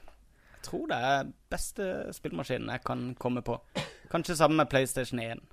Da kan du ta det Trygve Bjelvåg sier, eh, Jan Christian. Nei, det er tull. Du har ikke sendeskjema. Nei, han Hva har- du sa for Jeg noe? kan, du kan ta Lars. Eh, Trygve Bjelvåg sier Crackdown er alt jeg husker fra denne maskinen. Mats Rindal Johansen sier han hadde en 360 med custom fair firmware. La oss bare si jeg hadde mange backup-kopier. Jeg husker mye Coop på denne tiden. Resident Evil 5, Army of Two, Castle Crashers, Good Times. Army of Two var så corny. Eirik Berntsen, i hvert fall. Eh, Xbox 360 har blitt en moderne klassiker i mine øyne. Boksen var min klare favoritt blant forrige generasjons spillkonsoller, takket være suverent kontroller og det faktum at den stort sett kjørte multiplattformspill bedre enn PS3. Jeg digget også at det kom flere gode sci-fi-spill til 360, spesielt Mass Effect-serien, og et par gode Halo-spill. Til sist så synes jeg det er verdt å trekke frem at Xbox 360 sparket i gang masse bra indiespill via Xbox Live Arcade. Det har gått med mange minneverdige timer til spill som Vez, Castle Crashers og Guacamele. Guacamele. Det er jo litt sånn Det er jo lett å tenke at Xbox 360 er en gammel maskin, men når jeg tenker at Guacamele og GTA 5 og sånn kommer jo på Xbox Ja. 360, så er den jo rimelig blodfersk ennå, da. Eh, selv Ja. om den virker veldig gammel. Rart det der. Ja. Jo, det er sant, det. Vi glemmer fort i spillbransjen. Her står det Epesen, som jeg regner med er Espen eh, Miknø. Eh, ja, det har du helt rett i, tipper jeg. Eh, han var hardbarka PS3-fan. Måtte krype til korset og kjøpe en 360 når Fable 2 kom. Var, leng var lenge det eneste spillet han hadde til konsollen, men det ble jo flere etter hvert. Kongespill. Ja, lite av det der er sånn alias av Magnus, som bare skulle ville snakke enda mer om Fable 2. Espen Tellefsen. Kristian Kjesheim Tjessem solgte mine fire 360-er tidligere i år. Fire, Kristian? Say what? Jo, fordi du hadde kobla opp eh, kjørespillbue og sånne ting. Kanskje det? Jeg vet ikke. I don't know. Til en kar som tok med seg alle de fire 360-ene i en plastpose, eller i plastposer på bussen. Gråte ansikt. Eh, med fire Xbox One så jeg ikke noe behov for å spare på de lenger. Og uten at de er prøvd, så skal man vel nå også kunne spille 360 på Xbox One. Um, Ja, en del i hvert fall. Er det noen som har spilt noen som helst uh, sånn her uh, Xbox 360-spill på sin Xbox One? Jeg har spilt uh, Dor eh, Doritos Crash Course. Ja. For det, det var multiplayer, og jeg hadde en kompis fra Oslo på besøk, så vi måtte spille noe multiplayer-spill. og ble det Doritos Crash Course, for det er jævla morsomt. Det var gratis det på Xbox 360, var det ikke det? Jeg tror det var det. et sånt reklamespill. Ja. Og så var det enkle achievements. Jeg Ja, husker det, det, det, det, det skal jeg ikke si, for det, jeg syns det spillet er vanskelig. Å ja, ok. Ja. Men uh, jeg må arrestere Lars her. Altså, det er jo ikke gråtefjes. Det er jo den mest brukte emoten der. Er Du den ler der, så du griner. der du ler så du griner. Det er ikke at han er trist han er fordi han tok med seg de. Nå, nå endrer du hele verdensbildet til Lars her. Så må, går han bare gjennom alle poster han har lest de siste tre årene. Så bare, Å, herregud. han lo jo så han grein. Han lo så han grein av den fyren som bare putta fire Xbox 360 oppi plastposer og gikk for å ta bussen hjem. Eh, du har råd til å kjøpe fire Xbox 360, men du har ikke råd til bil. Ok, det, det Jeg tror det er det han lo av. Det er ikke at han gråt fordi han kvitta seg med Du har misforstått hele Han meldinga. gråt over verdens absurditet. Vegard Mudenia får avslutte litt denne gang. Beste minne Red Ring of Death. Shots fired!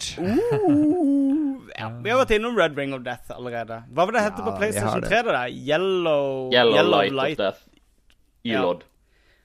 Ja, de der uh, of Death-greiene ble jo De kommer ennå. Blue Screen of Death og Det har jo vært siden Windows begynte, vel. Ja, ikke sant? Vet du hva det heter på Xbox One? Fortell. Fuck this, jeg spiller det heller på Windows.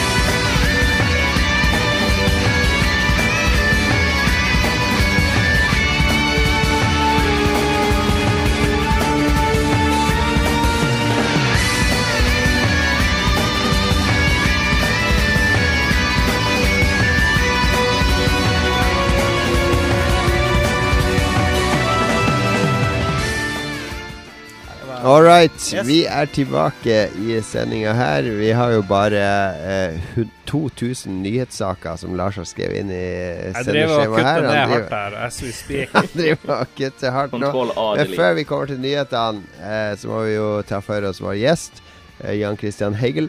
Du har nylig vært på eh, Penny Arcade Expo i Seattle, eh, der du har eh, jobba litt sånn strøjobber, er det lov å si? Altså Du har jobba litt for forskjellige norske indies og stått på stand og eh, gjort mye. Kan ikke du fortelle om hva, hva du har gjort på Penny Arcade? Jeg eh, har gjort litt arbeid for Snow Cannon Games, som er norsk publisher for Indie Games og diverse. Og da eh, gjorde jeg litt uh, bootarbeid for de, og kommenterte litt av eh, Klang, som kommer ut den 22. september til PC. Ja, det vet vi. Dere det er bare å være klar over det. Eh, og et PC-spill, iPad-spill, Android-spill som heter um, The Frost Room, som er lagd av Grimnir.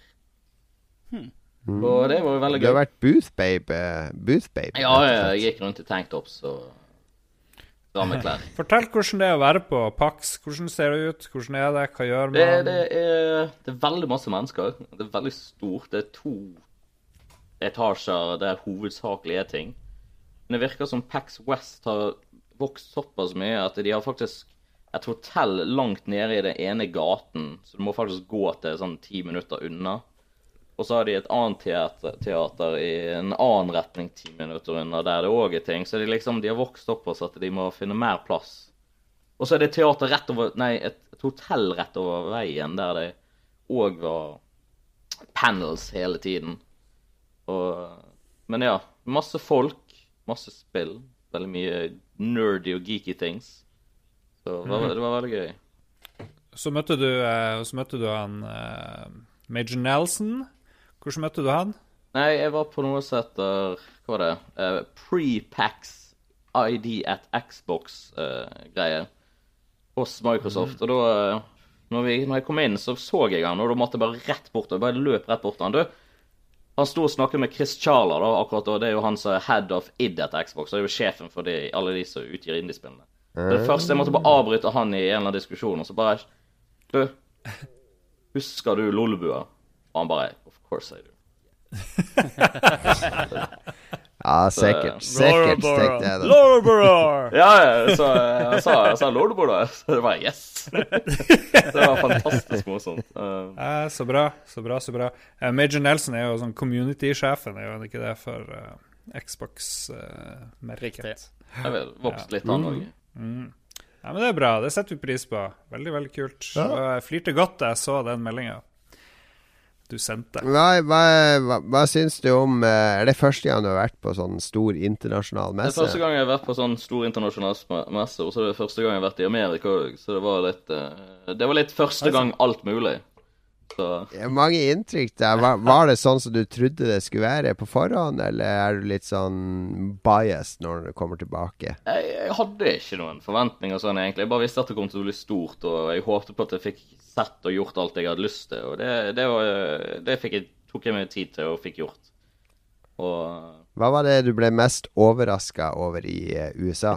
eh, tipsing og sales tax Det var liksom Faen, er dette for noe dritt? Det ble helt satt ut. Det er bare Jeg skulle kjøpe noe voks til håret, og så bare Ja, 1075. Jeg bare What? Det var jo 975. Det er jo det det står. Så bare, og, Ja. Og så bare Nei, sales tax. Jeg What? OK, greit. Der.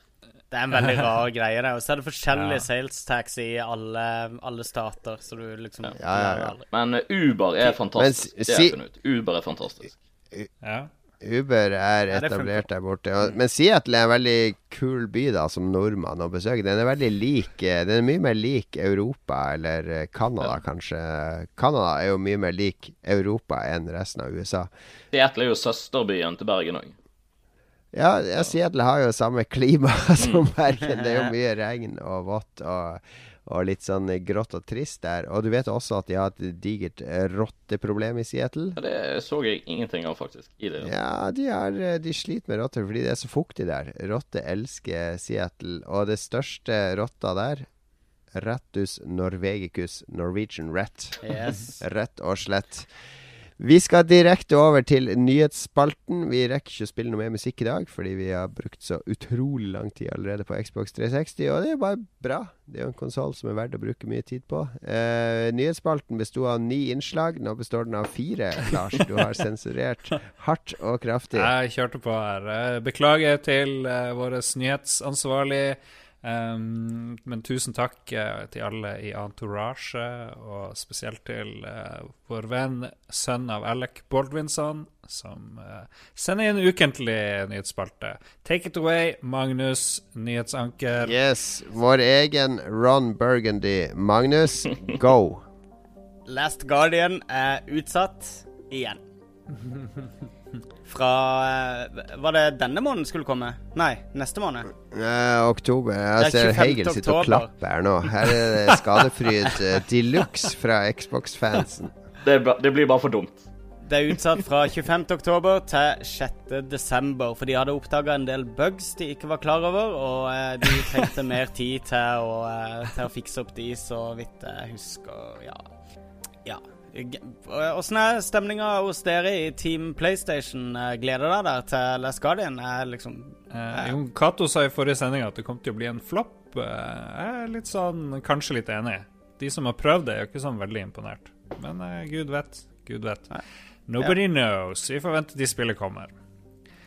Jeg tror eh, Altså, Ico og Shadow Colossus var jo trendsettende eh, Kanskje ikke indiespill, men de hadde den indie-ånden da de kom, da, med veldig personlige engasjerte historier. Jeg tror kanskje Shadow of the Colossus, hele konseptet, er Den indie-ånden har beveget seg forbi det. Da, så at de, de, de kommer til å slite med å treffe folk. Det er jeg redd for, da. Uh, du har en masse en million fans allerede som er overbevist om at det her blir en fortsettelse på det de har laga før, og treffer de samme nervene. Men jeg, jeg vet ikke. Jeg, jeg klarer ikke helt å, å finne det store engasjementet. Sorry. Jeg får litt følelsen av Alan Wake i uh, Last Guardian.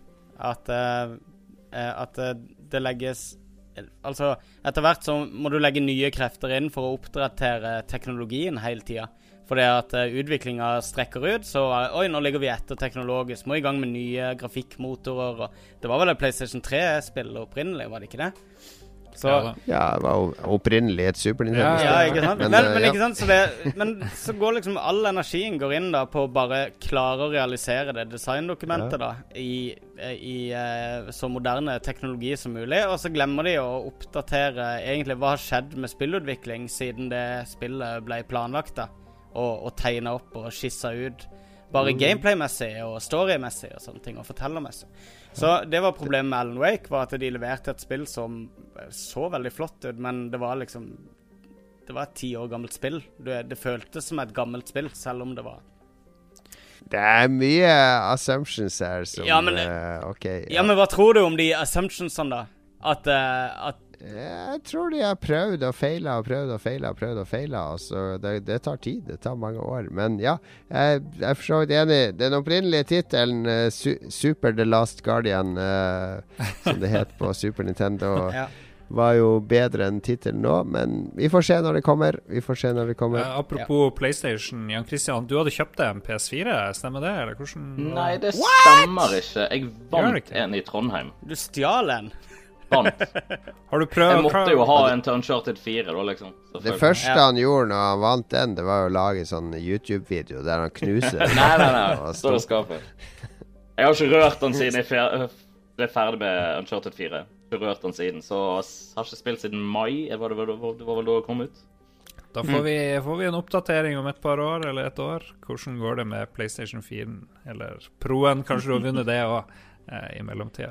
Du må i hvert fall melde deg inn i kanskje Nordens største spillgruppe, som er Lolbua, på eh, eh, PlayStation eh, online system. Jeg har ikke HDMI-kabel til den engang, så det blir hassle å begynne å koble opp, altså. Har, har du på skart? Nei. Med vilje så spilte han Uncharted 4 med skartkabel Ja, og monolyd. Bare for Herregud, for noe drit! Det ser jo mye bedre ut på Xbox. På sånn Hercules monitor. Hva er dette her? Bare brunt og svart, liksom? What the hell? OK. Nyhet nummer to. Danske mediegiganten Egmont går inn med store midler til dataspill som skal utvikles i Norden. Ehm, de regner med å sponse mellom 10 og 100 utviklere med minst 5 millioner og oppover. Og det er ikke snakk om eh, mobilspill her, det er snakk om eh, større produksjoner. Jeg, jeg må bare korrigere. De satser ikke på å gi 5 millioner til mellom 10 og 100 utviklere. De satser på utviklere som består av mellom 10 og 100 personer, er det som står i den opprinnelige nyheten. Altså, de vil ikke satse på studentprosjekter med fire fattige riktig. studenter. Ja, så de De på vil ha litt studio. større studioer, ja. Og de vil gå inn i de og eh, investere ganske mye penger faktisk for aksjeandeler i selskapet. De vil ha en styreposisjon med 20-30% av aksjene, eh, er det de er ute etter. Og de vil ikke satse på sånn Candy Crush mobilspill, har de sagt. Det er uinteressant. Så for alle indies i Norden så er det her eh, veldig, veldig uhyre interessant. Er 20-30 Er det en stor eh, andel for såpass store investeringer? Tre- 30 begynner å bli stor, da. Ja. og 20 er overkommelig. Ja, Ja, sånn er det ikke 10-20% er ting Hvis du er relativt etablert, eh, eh, så er jo selskapet ditt verdt litt. Klart. Hvis du har gitt ut noe og økonomien går rundt, så Mm. har du jo en, en viss verdi i selskapet. Så kjøpe seg inn da for 20% av aksjene, det blir fort noen millioner. Så det har du vært på telefonen med Egmont eh, i dag? Eh, ingen kommentar. Ingen kommentar. Veldig bra. Neste nyhet. Sony nekter Betesta å legge til mods i Skyrim Special Edition og Fallout 4. Sånn som er fullt mulig på PC, og som skal bli fullt mulig eh, på Xbox One. Er det ikke mulig? Jeg trodde det var mulig. Jeg trodde òg det var mulig. Fallout er mulig, men Skyrim er ikke kommet ut. Derfor er det kanskje ikke fullt mulig, siden det teknisk sett ikke er ute. Ah. Ja, sånn, ja. Jeg tror det har vært ute siden mai. Jeg mener Major Nelson postet etter den. En time etter Ja. den nyheten kom ut. Vi har hatt måned siden mai. Sony nekter altså eh, sine spillere denne gleden. Hva er opplegget? Er det fordi man kan lage egen grafikk og gå for dypt inn i Ja, du kan lage I Skyrim kan du lage sånne enorme peniser. ja, og så alle går rundt naken. Og så har du sånn penisfysikk og sånn. Det er Det er ekstremt mange nude-mods til Skyrim, i hvert fall. Bryr vi oss i det hele tatt om det her? Bryr, bryr. Sony-eiere Jeg tenker det er eh, Jeg tenker det er to leirer her. Det er noen PC-spillere jeg vet som elsker mods Mm. uh, veldig. Altså modde spillene sine i huet og ræva. Og leke rundt med det. Antagelig fordi de ikke har råd til å kjøpe andre spill, er min teori. Men de, de elsker å sitte og modde det spillet de allerede har. Jeg har aldri modda et spill Jeg tror jeg modda U-en i World of Warcraft. Det er omtrent det eneste modden jeg har installert i et spill.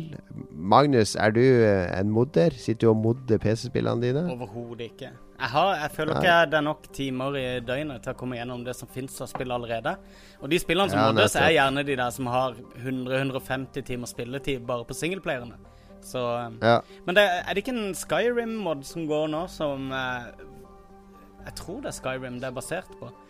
Det er en del Skyrim men det- mods det er som gir mye bedre grafikk. Du da, Hegel, du som har det på Xboxen din og alt. Du sitter vel og modder døgnet spill- rundt? Spiller ikke sånne spill. Enderroll. Jeg, jeg liker ikke Fallout. Jeg liker ikke Skyrim. Jeg vet Vi ikke er, vi er fire, fire antimodere her i Lolbua. Sorry, mod, moddere. Dere er eh, nerds, er konklusjonen her. dessverre. Nerds driver bare med dataspill! Dere er tapere. For de som likte Skyrim, i hvert fall, så fins det et, eh, et digert rollespill nå som heter Enderall. Som er en, en mod som er lagd Altså, det er basert på Skyrim Engine og alt sånt, men de har lagd et helt nytt univers. De har brukt en del assets og sånn fra Skyrim. Men så har de lagd en helt ny verden, helt nytt univers, helt egen law. Og sykt mye innhold. Uh, og jeg tror det er gratis. Det er i hvert fall Jeg har sett en del Twitch-folk som driver og streamer det nå for tida, og det ser helt fantastisk ut. Så um, der har du muligheter innen uh, modding da, som ikke du finner andre steder. At folk lager helt nye spill basert på de resterende. Men vi driter jo litt i det, gjør vi ikke det? Jo, jo. Siste nyhet. Uh, OK, så av ni nyheter så ble det fire vi kokte ned til, og den ene du beholdt, da, det var at uh, Tomb Raider snart kommer til PlayStation 4. Herregud, vi er ferdig med nyhetsspalten. Stryk den Ja, nyheten der. det var tynt. oh. Er det, det har kommet en trailer til Det var noe greier om sånn World of Warcraft, at en fyr har slutta Ja. og bla, bla, bla. Men det har slutta folk hele tida der, har det ikke det? I Blizzard. Men han er legendarisk. Ja. Ja, han Han som er legendarisk. Men nå er det Magnus eh, Nå er det Lars som er nyhetsredaktøren, og Magnus er bare Ron Burgundy, vår nyhetsoppleser, så vi kan ikke snakke om den World of Warcraft-nyheten. Dessverre for alle våre 10 000 lyttere som elsker World of Warcraft. Takk, Lars, for at du ikke fikk høre vår eh, sørgelige vår, vår sorg over eh, tapet av Hva er det han heter? Steve? Chris Manson. Chris? Chris Madsen. Chris har mensen. Madsen. Madsen. Han heter Madsen. Metzen, ja. Ja. Det var dagens nyheter fra Lolbua.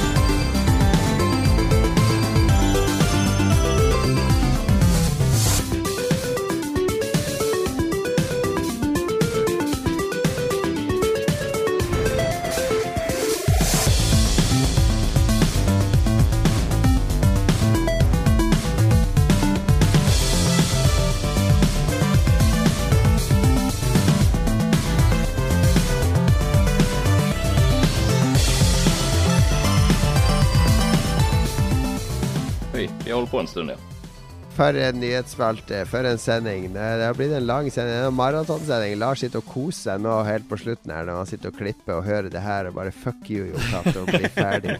uh, vi skal snakke om hva vi har spilt i det siste. Og eh, jeg tenker Magnus skal få begynne denne gangen. Eh, han har ikke spilt eh, ruterspillet, som han er veldig dårlig i. det. han ikke klarer å ta rett T-bane i sentrum nice av Oslo. Han har spist, eh, noe he spilt noe helt annet. Hva er det du har spilt, Magnus? Um, jeg har, det jeg har spilt aller mest denne uka, er en haug med barnespill på iPad. Pga. At jeg skal være med i, Jeg skal i et møte med bibliotekene om noen dager til og være med og se litt på innkjøp der.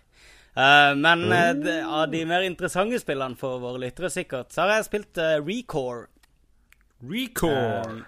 Det er det nye Xbox eh, One og eh, Windows 10-spillet fra, fra han uh, Megaman-skaperen. Inafune.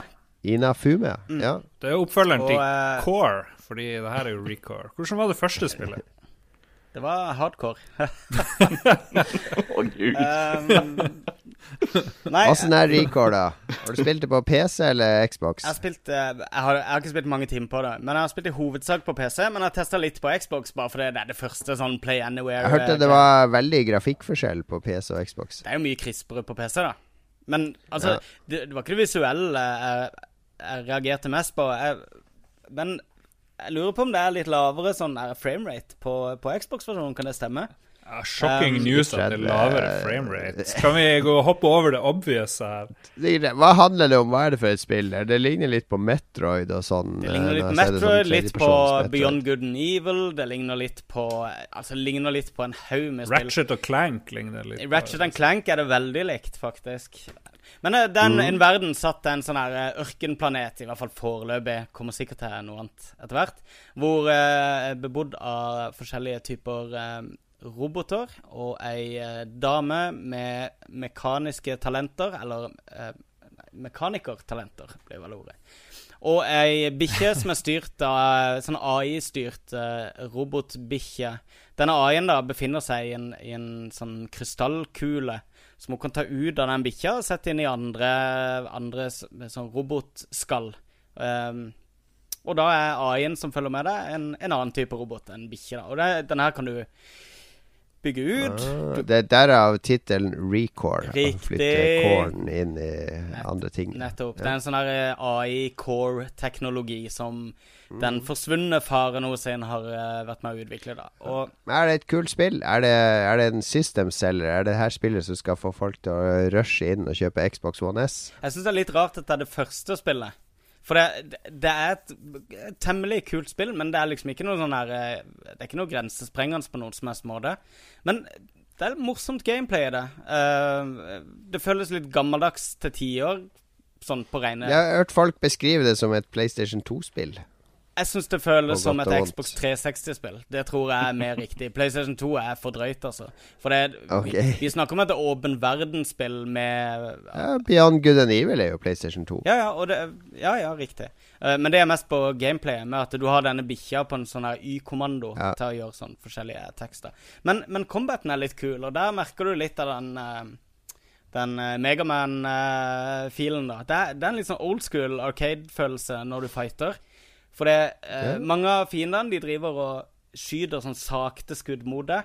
Og da må du double-jumpe, og så kan du dashe i lufta i tillegg. eh, for å komme deg unna. Så det, det er litt sånn bullet hell-følelse til tider når du har mange fiender. Hvor du må dodge forskjellige typer angrep mens du da skyter millioner av kuler på disse fiendene. Så det er litt kult.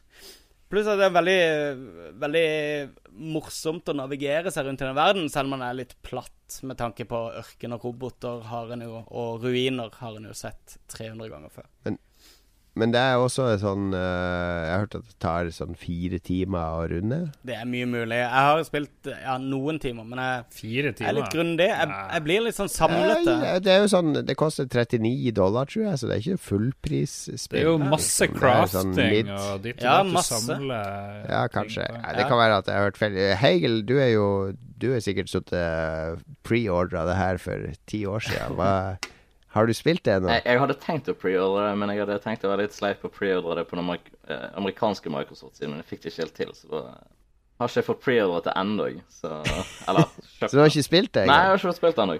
Jeg, eh, ja. Køen var veldig lang på PAX, så jeg gadd ikke å stå i kø. For jeg visste Ja, det kom ut snart, så eh, ja. Men, men altså, det, jeg fikk testa litt av det Play Anywhere-greia nå, da. Og det var litt sånn morsomt, da. Fordi at jeg satt og spilte på PC-en, og så skulle Kristine bruke PC-en. Eh, så sa jeg ja, null stress. Jeg bare setter meg ned på Xboxen, og så synka jeg, og så bare fortsatte jeg akkurat der jeg var, da, på Xbox. Så det var litt morsomt å teste det. holy Men- Future. Ja, ikke sant? Future is now. Men det, det er jo helt irrelevant selvfølgelig når det er tre meter mellom PC-en min og Xboxen. Men jeg kan se for meg at, eh, at eh, eh, den formen, da, det der Play Anywhere-greien, kan bli litt nyttig etter hvert. I en eller annen ja, når du flytter inn i villaen din i Kristiansand, når du tar over Tellefsen-selskapet, så er det sånn Å ja! Du vil bruke data! Ja, men da går jeg ned i, i stue nummer fire, og så fortsetter jeg der. Da finner jeg frem surfacen min, så jeg kan spille på vei ned i stue fire. Mens jeg står i heisen i villaen min. Hva er konklusjonen? Er det her, eh, det her er, Det er ikke noe Goti, det skjønner Nei, det er ikke det. Og, men, og og det er kanskje litt sånn eh, Som sagt Det har jo sjarm og egenart. Nei, jeg syns ikke det er så sjarmerende. Jeg syns ikke det. det, er, det er mer, men combaten er morsom, og det er veldig kjapt. Det er veldig mye sånn eh, figuranimasjoner og sånn er ofra til fordel for veldig kjappe og responsive kontroller, som er veldig kult, syns jeg, da. Og morsomme kamper, mye crafting, mye å leide etter, mye secrets og sånne ting. Så hvis en liker å leide seg rundt, så er det et fett spill. Men jeg, som sagt, jeg syns kanskje de kunne venta. Nå kommer jo Gears 4, for eksempel, nå. Det er jo rett rundt hjørnet. Eh, Kanskje det hadde vært en klokere sånn her eh, introduksjon til Play Anywhere-systemet. Jeg tror ikke noen bryr seg om at det her er introduksjon til Play Anywhere. Det er du som Nei, bryr deg om Det er ikke Det er jo det er veldig få som bryr seg om det, Men tror de jeg. Men det, det. det her Microsoft spillet har heller ikke. HDR-støtte. Det er liksom Forsa Horizon 2 og Gears som er de to første med HDR-støtte. Ja. Så det er, det er jo Hvis det ikke HDR, så det er jo en marginal Det er jo en marginal tittel, føler jeg. Jeg tror Ja. Microsoft har skjønt at det her er middel Mid, midrange ja. tittel, Og det syns jeg er kult, fordi vi har mangla midrange ja, på denne det generasjonen. Det har liksom bare vært Triple A og Indies. Ja, det er ikke noe det er veldig der. sant, ja. Det er veldig polarisert. Jeg kan hoppe inn, fordi jeg har også det det eneste jeg har spilt i det siste. Og jeg er helt enig med det Magnus uh, sier. Men jeg gir det Det er en sånn typisk seks av ti-spill som man savner, som ikke fins. Akkurat det du nevner, Jon Cato, hvor eh, du, det ligger midt mellom indie og trippel A-greia. Hvor det er helt kompetent spill. Det er ikke sånn supergjennomført. Det er verdens lengste ladetid. Men jeg syns det er sjarmerende, fordi det er veldig mye flå. Stemmeskuespillet høres ut som det er sånn pornofilmfolk som driver og holder på og legger frem en eller annen handling de ikke skjønner sjøl. Og så er det en litt sånn rar, litt sånn halvtom verden, men veldig mye bra mekanikk. Så eh, det er litt sånn som det der eh, Mighty Number Nine burde ha vært uh, i stort format. eh, Det er nesten. nok riktig. ja. Ja. Da har jeg tatt min uh, greie. Skal dere snakke i to timer, eh, Jan Christian og Jon Cato, om det dere har spilt? Hei, Jan Christian. Hva, hva har du spilt i det siste? Du kan ta noe fra Pax, eller du kan ta noe du har spilt hjemme. Vel, det jeg har spilt hjemme i det siste, det er vel World of Warcraft, som jeg gledet meg til jeg kommer hjem. Uh, enda en. Jeg koser meg med Legion for tiden. Det, det er kjekt. Og jeg eh, spiller ikke med noen, så jeg spiller det egentlig hovedsakelig som et singleplayerspill som faktisk funker, som jeg er overrasket over. Ja, det er veldig Det er så singleplayervennlig. story-fokus på questene, og du føler at det, det er veldig mye fokus på deg, som jeg ikke føler det har vært så mye før, som gjør sånn at du nesten må spille det som et litt eldre rollespill. Eh, Og det er kos. Det er sant, Ja. det. De har, de har skrevet Legion er veldig skrevet opp for å, for å gi deg en plass i senter av, av spilluniverset. Og det har de ikke De har vært mer opptatt av å presentere spilluniverset, og at du er bare en liten brikke i det store spillet. da. Ja, det er kjempegøy. Og så får du sånn artifakt, så du slipper å tenke på å bytte ut en eller staffen din med en grønn staff som har Ja. ti bedre i stat, men du trenger de ti bedre i statsene. eh, og alt mulig. Ja, jeg, driver, jeg er på level 63 nå. jeg vil gjerne jobbe meg opp til 100 på normalt vis. Jeg nekter å hoppe. Jeg har aldri vært over level 30, så jeg skal jobbe meg helt opp dit. Kommer du til å realisere det, tror du, Jon? Jeg spiller litt Jeg spiller en level hver dag. Det, det går jo fort Ja, okay. Ja, i forhold til før. Ja, ja, det, Ja, det er sant, Går, det. det går ikke fort når du har tre unger og, og masse forpliktelser. Men jeg klarer sånn cirka en level om dagen. Så men jeg koser meg på vei opp. Men jeg skal, hva jeg har spilt i det siste Jeg kan selvfølgelig snakke om uh, duellist. Nei, nei, nei. Duelist, Det har du allerede gjort. Som eh, på ny faksjon nå er på silvernivå. Mm, eh, jeg vet at det er ingen som hører på når jeg snakker på det, for det er ingen som har redeema den koden Flexness, så du kan redeeme når du spiller ligakamp der. Eh, det er kun eh, fetthesten, min gode venn Trygve Sollid, eh, som er eneste i Norge som kan mer om spillhistorien med. Han har spilt det og redeema den. Så eh, spill gjerne Duelist. Eh, jeg kan snakke Det er vel egentlig bare det jeg kan snakke om. Eh, men jeg skal snakke om noe helt annet jeg har spilt. Fordi det er bare to uker til hytteturen, Lars. Du vet det? Oh, fuck. Det er den årlige hytteturen. Den sammenfaller nå med episode Er det her er 130 vi er på? 129? 100, 129. Ja, ok. Det blir episode 131 blir vel hyttetur Nei, hvis vi spiller igjen den på tirsdag 130 132 blir det. Men det blir hytteturepisoden. Så jeg driver jo Det er jo jeg som arrangerer den årlige notoriske hytteturen. Det er jo bare Harstad-folk. Det er derfor Magnus ikke er med. Du får lov å være med hvis du har lyst, Magnus. Du må ligge i telt i to år og det er liksom Eh, begynner som hangaround, og så, må jeg, så blir jeg banka inn i gjengen og sånne ting. Eller ja. Må jeg drepe noen for å Ja, det er sånn Until Dawn-aktig hyttetur. ja. Vi skal spille Colf Tulu med tolv spillere. eh, Vi skal kjøpe inn mat. Det er mye planlegging, mye som skal til. Men det som jeg har holdt på med mest i forkant av hytteturen, er jo at jeg har funnet frem mitt gamle DJ-utstyr. Mm. Så står jeg attmed meg mine, mine CDJ 800 MK2 CD-spillere og min mikser. Og så har jeg satt for meg Jeg satt for meg et mål for noen uker siden at jeg skal lage en 90-talls Jeg skal mikse 90-talls elektronika, eller tekno som det het på 90-tallet, musikk. Eh, jeg skal lage en miks av det, da, som jeg kanskje skal spille på hytteturen. Uh, og det, det er det jeg har spilt mest i det siste. Jeg har sittet og miksa 90-tallsmusikk. Uh, og da snakker vi jo Chemical Brothers, Orbital, uh, The Orb, Underworld, Prodigy. Har du funnet noe, noe gold, Har du funnet noe musikk du glemte sinnssykt, som du nå liksom vil anbefale? Ja, masse, masse masse musikk jeg finner funnet som jeg har glemt. Men jeg trenger mer uh, musikktips til veldig kul elektronisk musikk fra 90-tallet. Det er mye big beat der. Ja. Det er litt trip-hop. Det er litt drum and bass. Fotec og Goldie og alle kom jo. På 90-tallet. Det er mye Jeg har mye i, eh, i eh, arkivet mitt nå. Eh, brukt masse penger.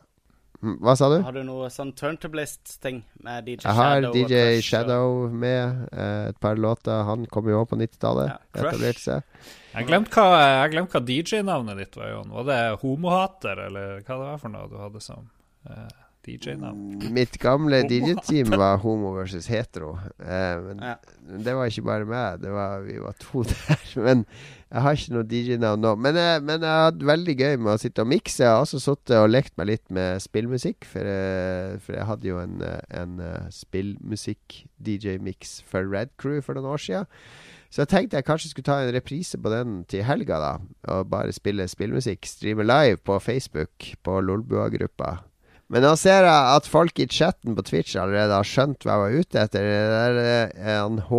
Vågen har foreslått Leftfield, Ja. som selvfølgelig er på Livstad allerede. Selvsagt. Men jeg vil gjerne, hvis noen hører det her og, og har gode minner fra 90-talls eh, elektronisk musikk, så bare send oss noen tips, eller send meg noen tips til ting eller låter jeg burde ha med. Jeg har med Crystal Method, jeg har med Death in Vegas. Jeg, jeg, ganske, jeg føler jeg er ganske dekt.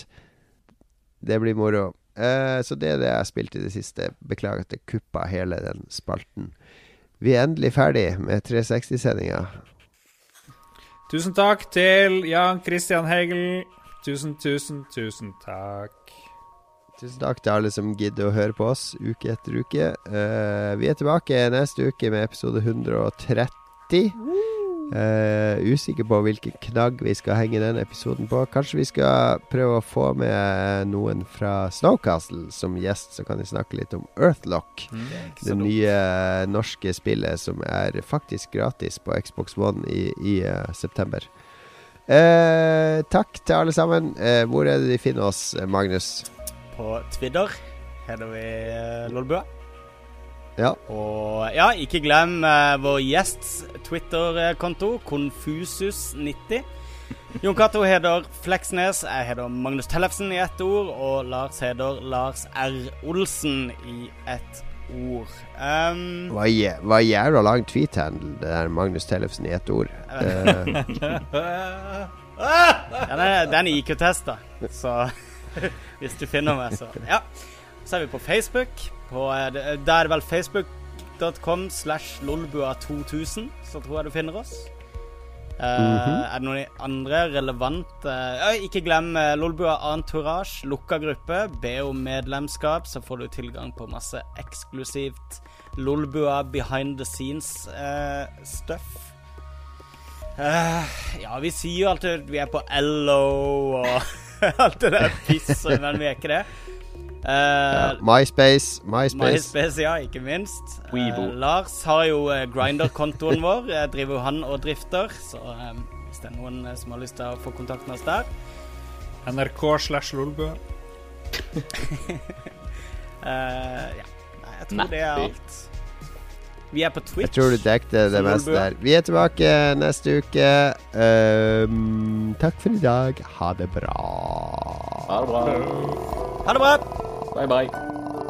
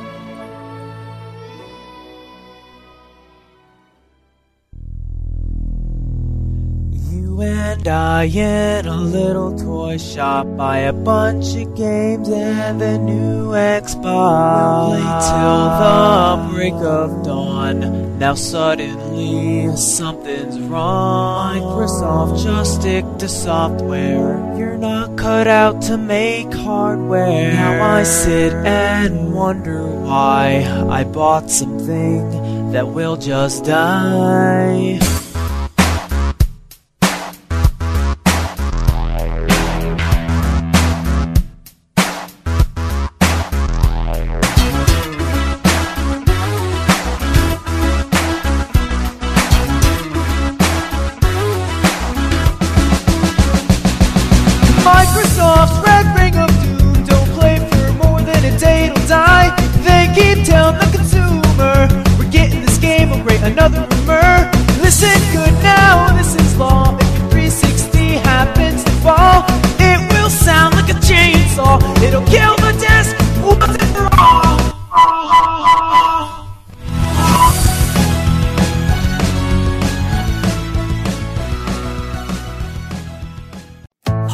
Enkeltpersonforetak eller en liten bedrift? Da er du sikkert lei av å høre meg snakke om hvor enkelt det er med kvitteringer og bilag i fiken, så vi eh, gir oss her, vi. Fordi vi liker enkelt. Fiken superenkelt regnskap.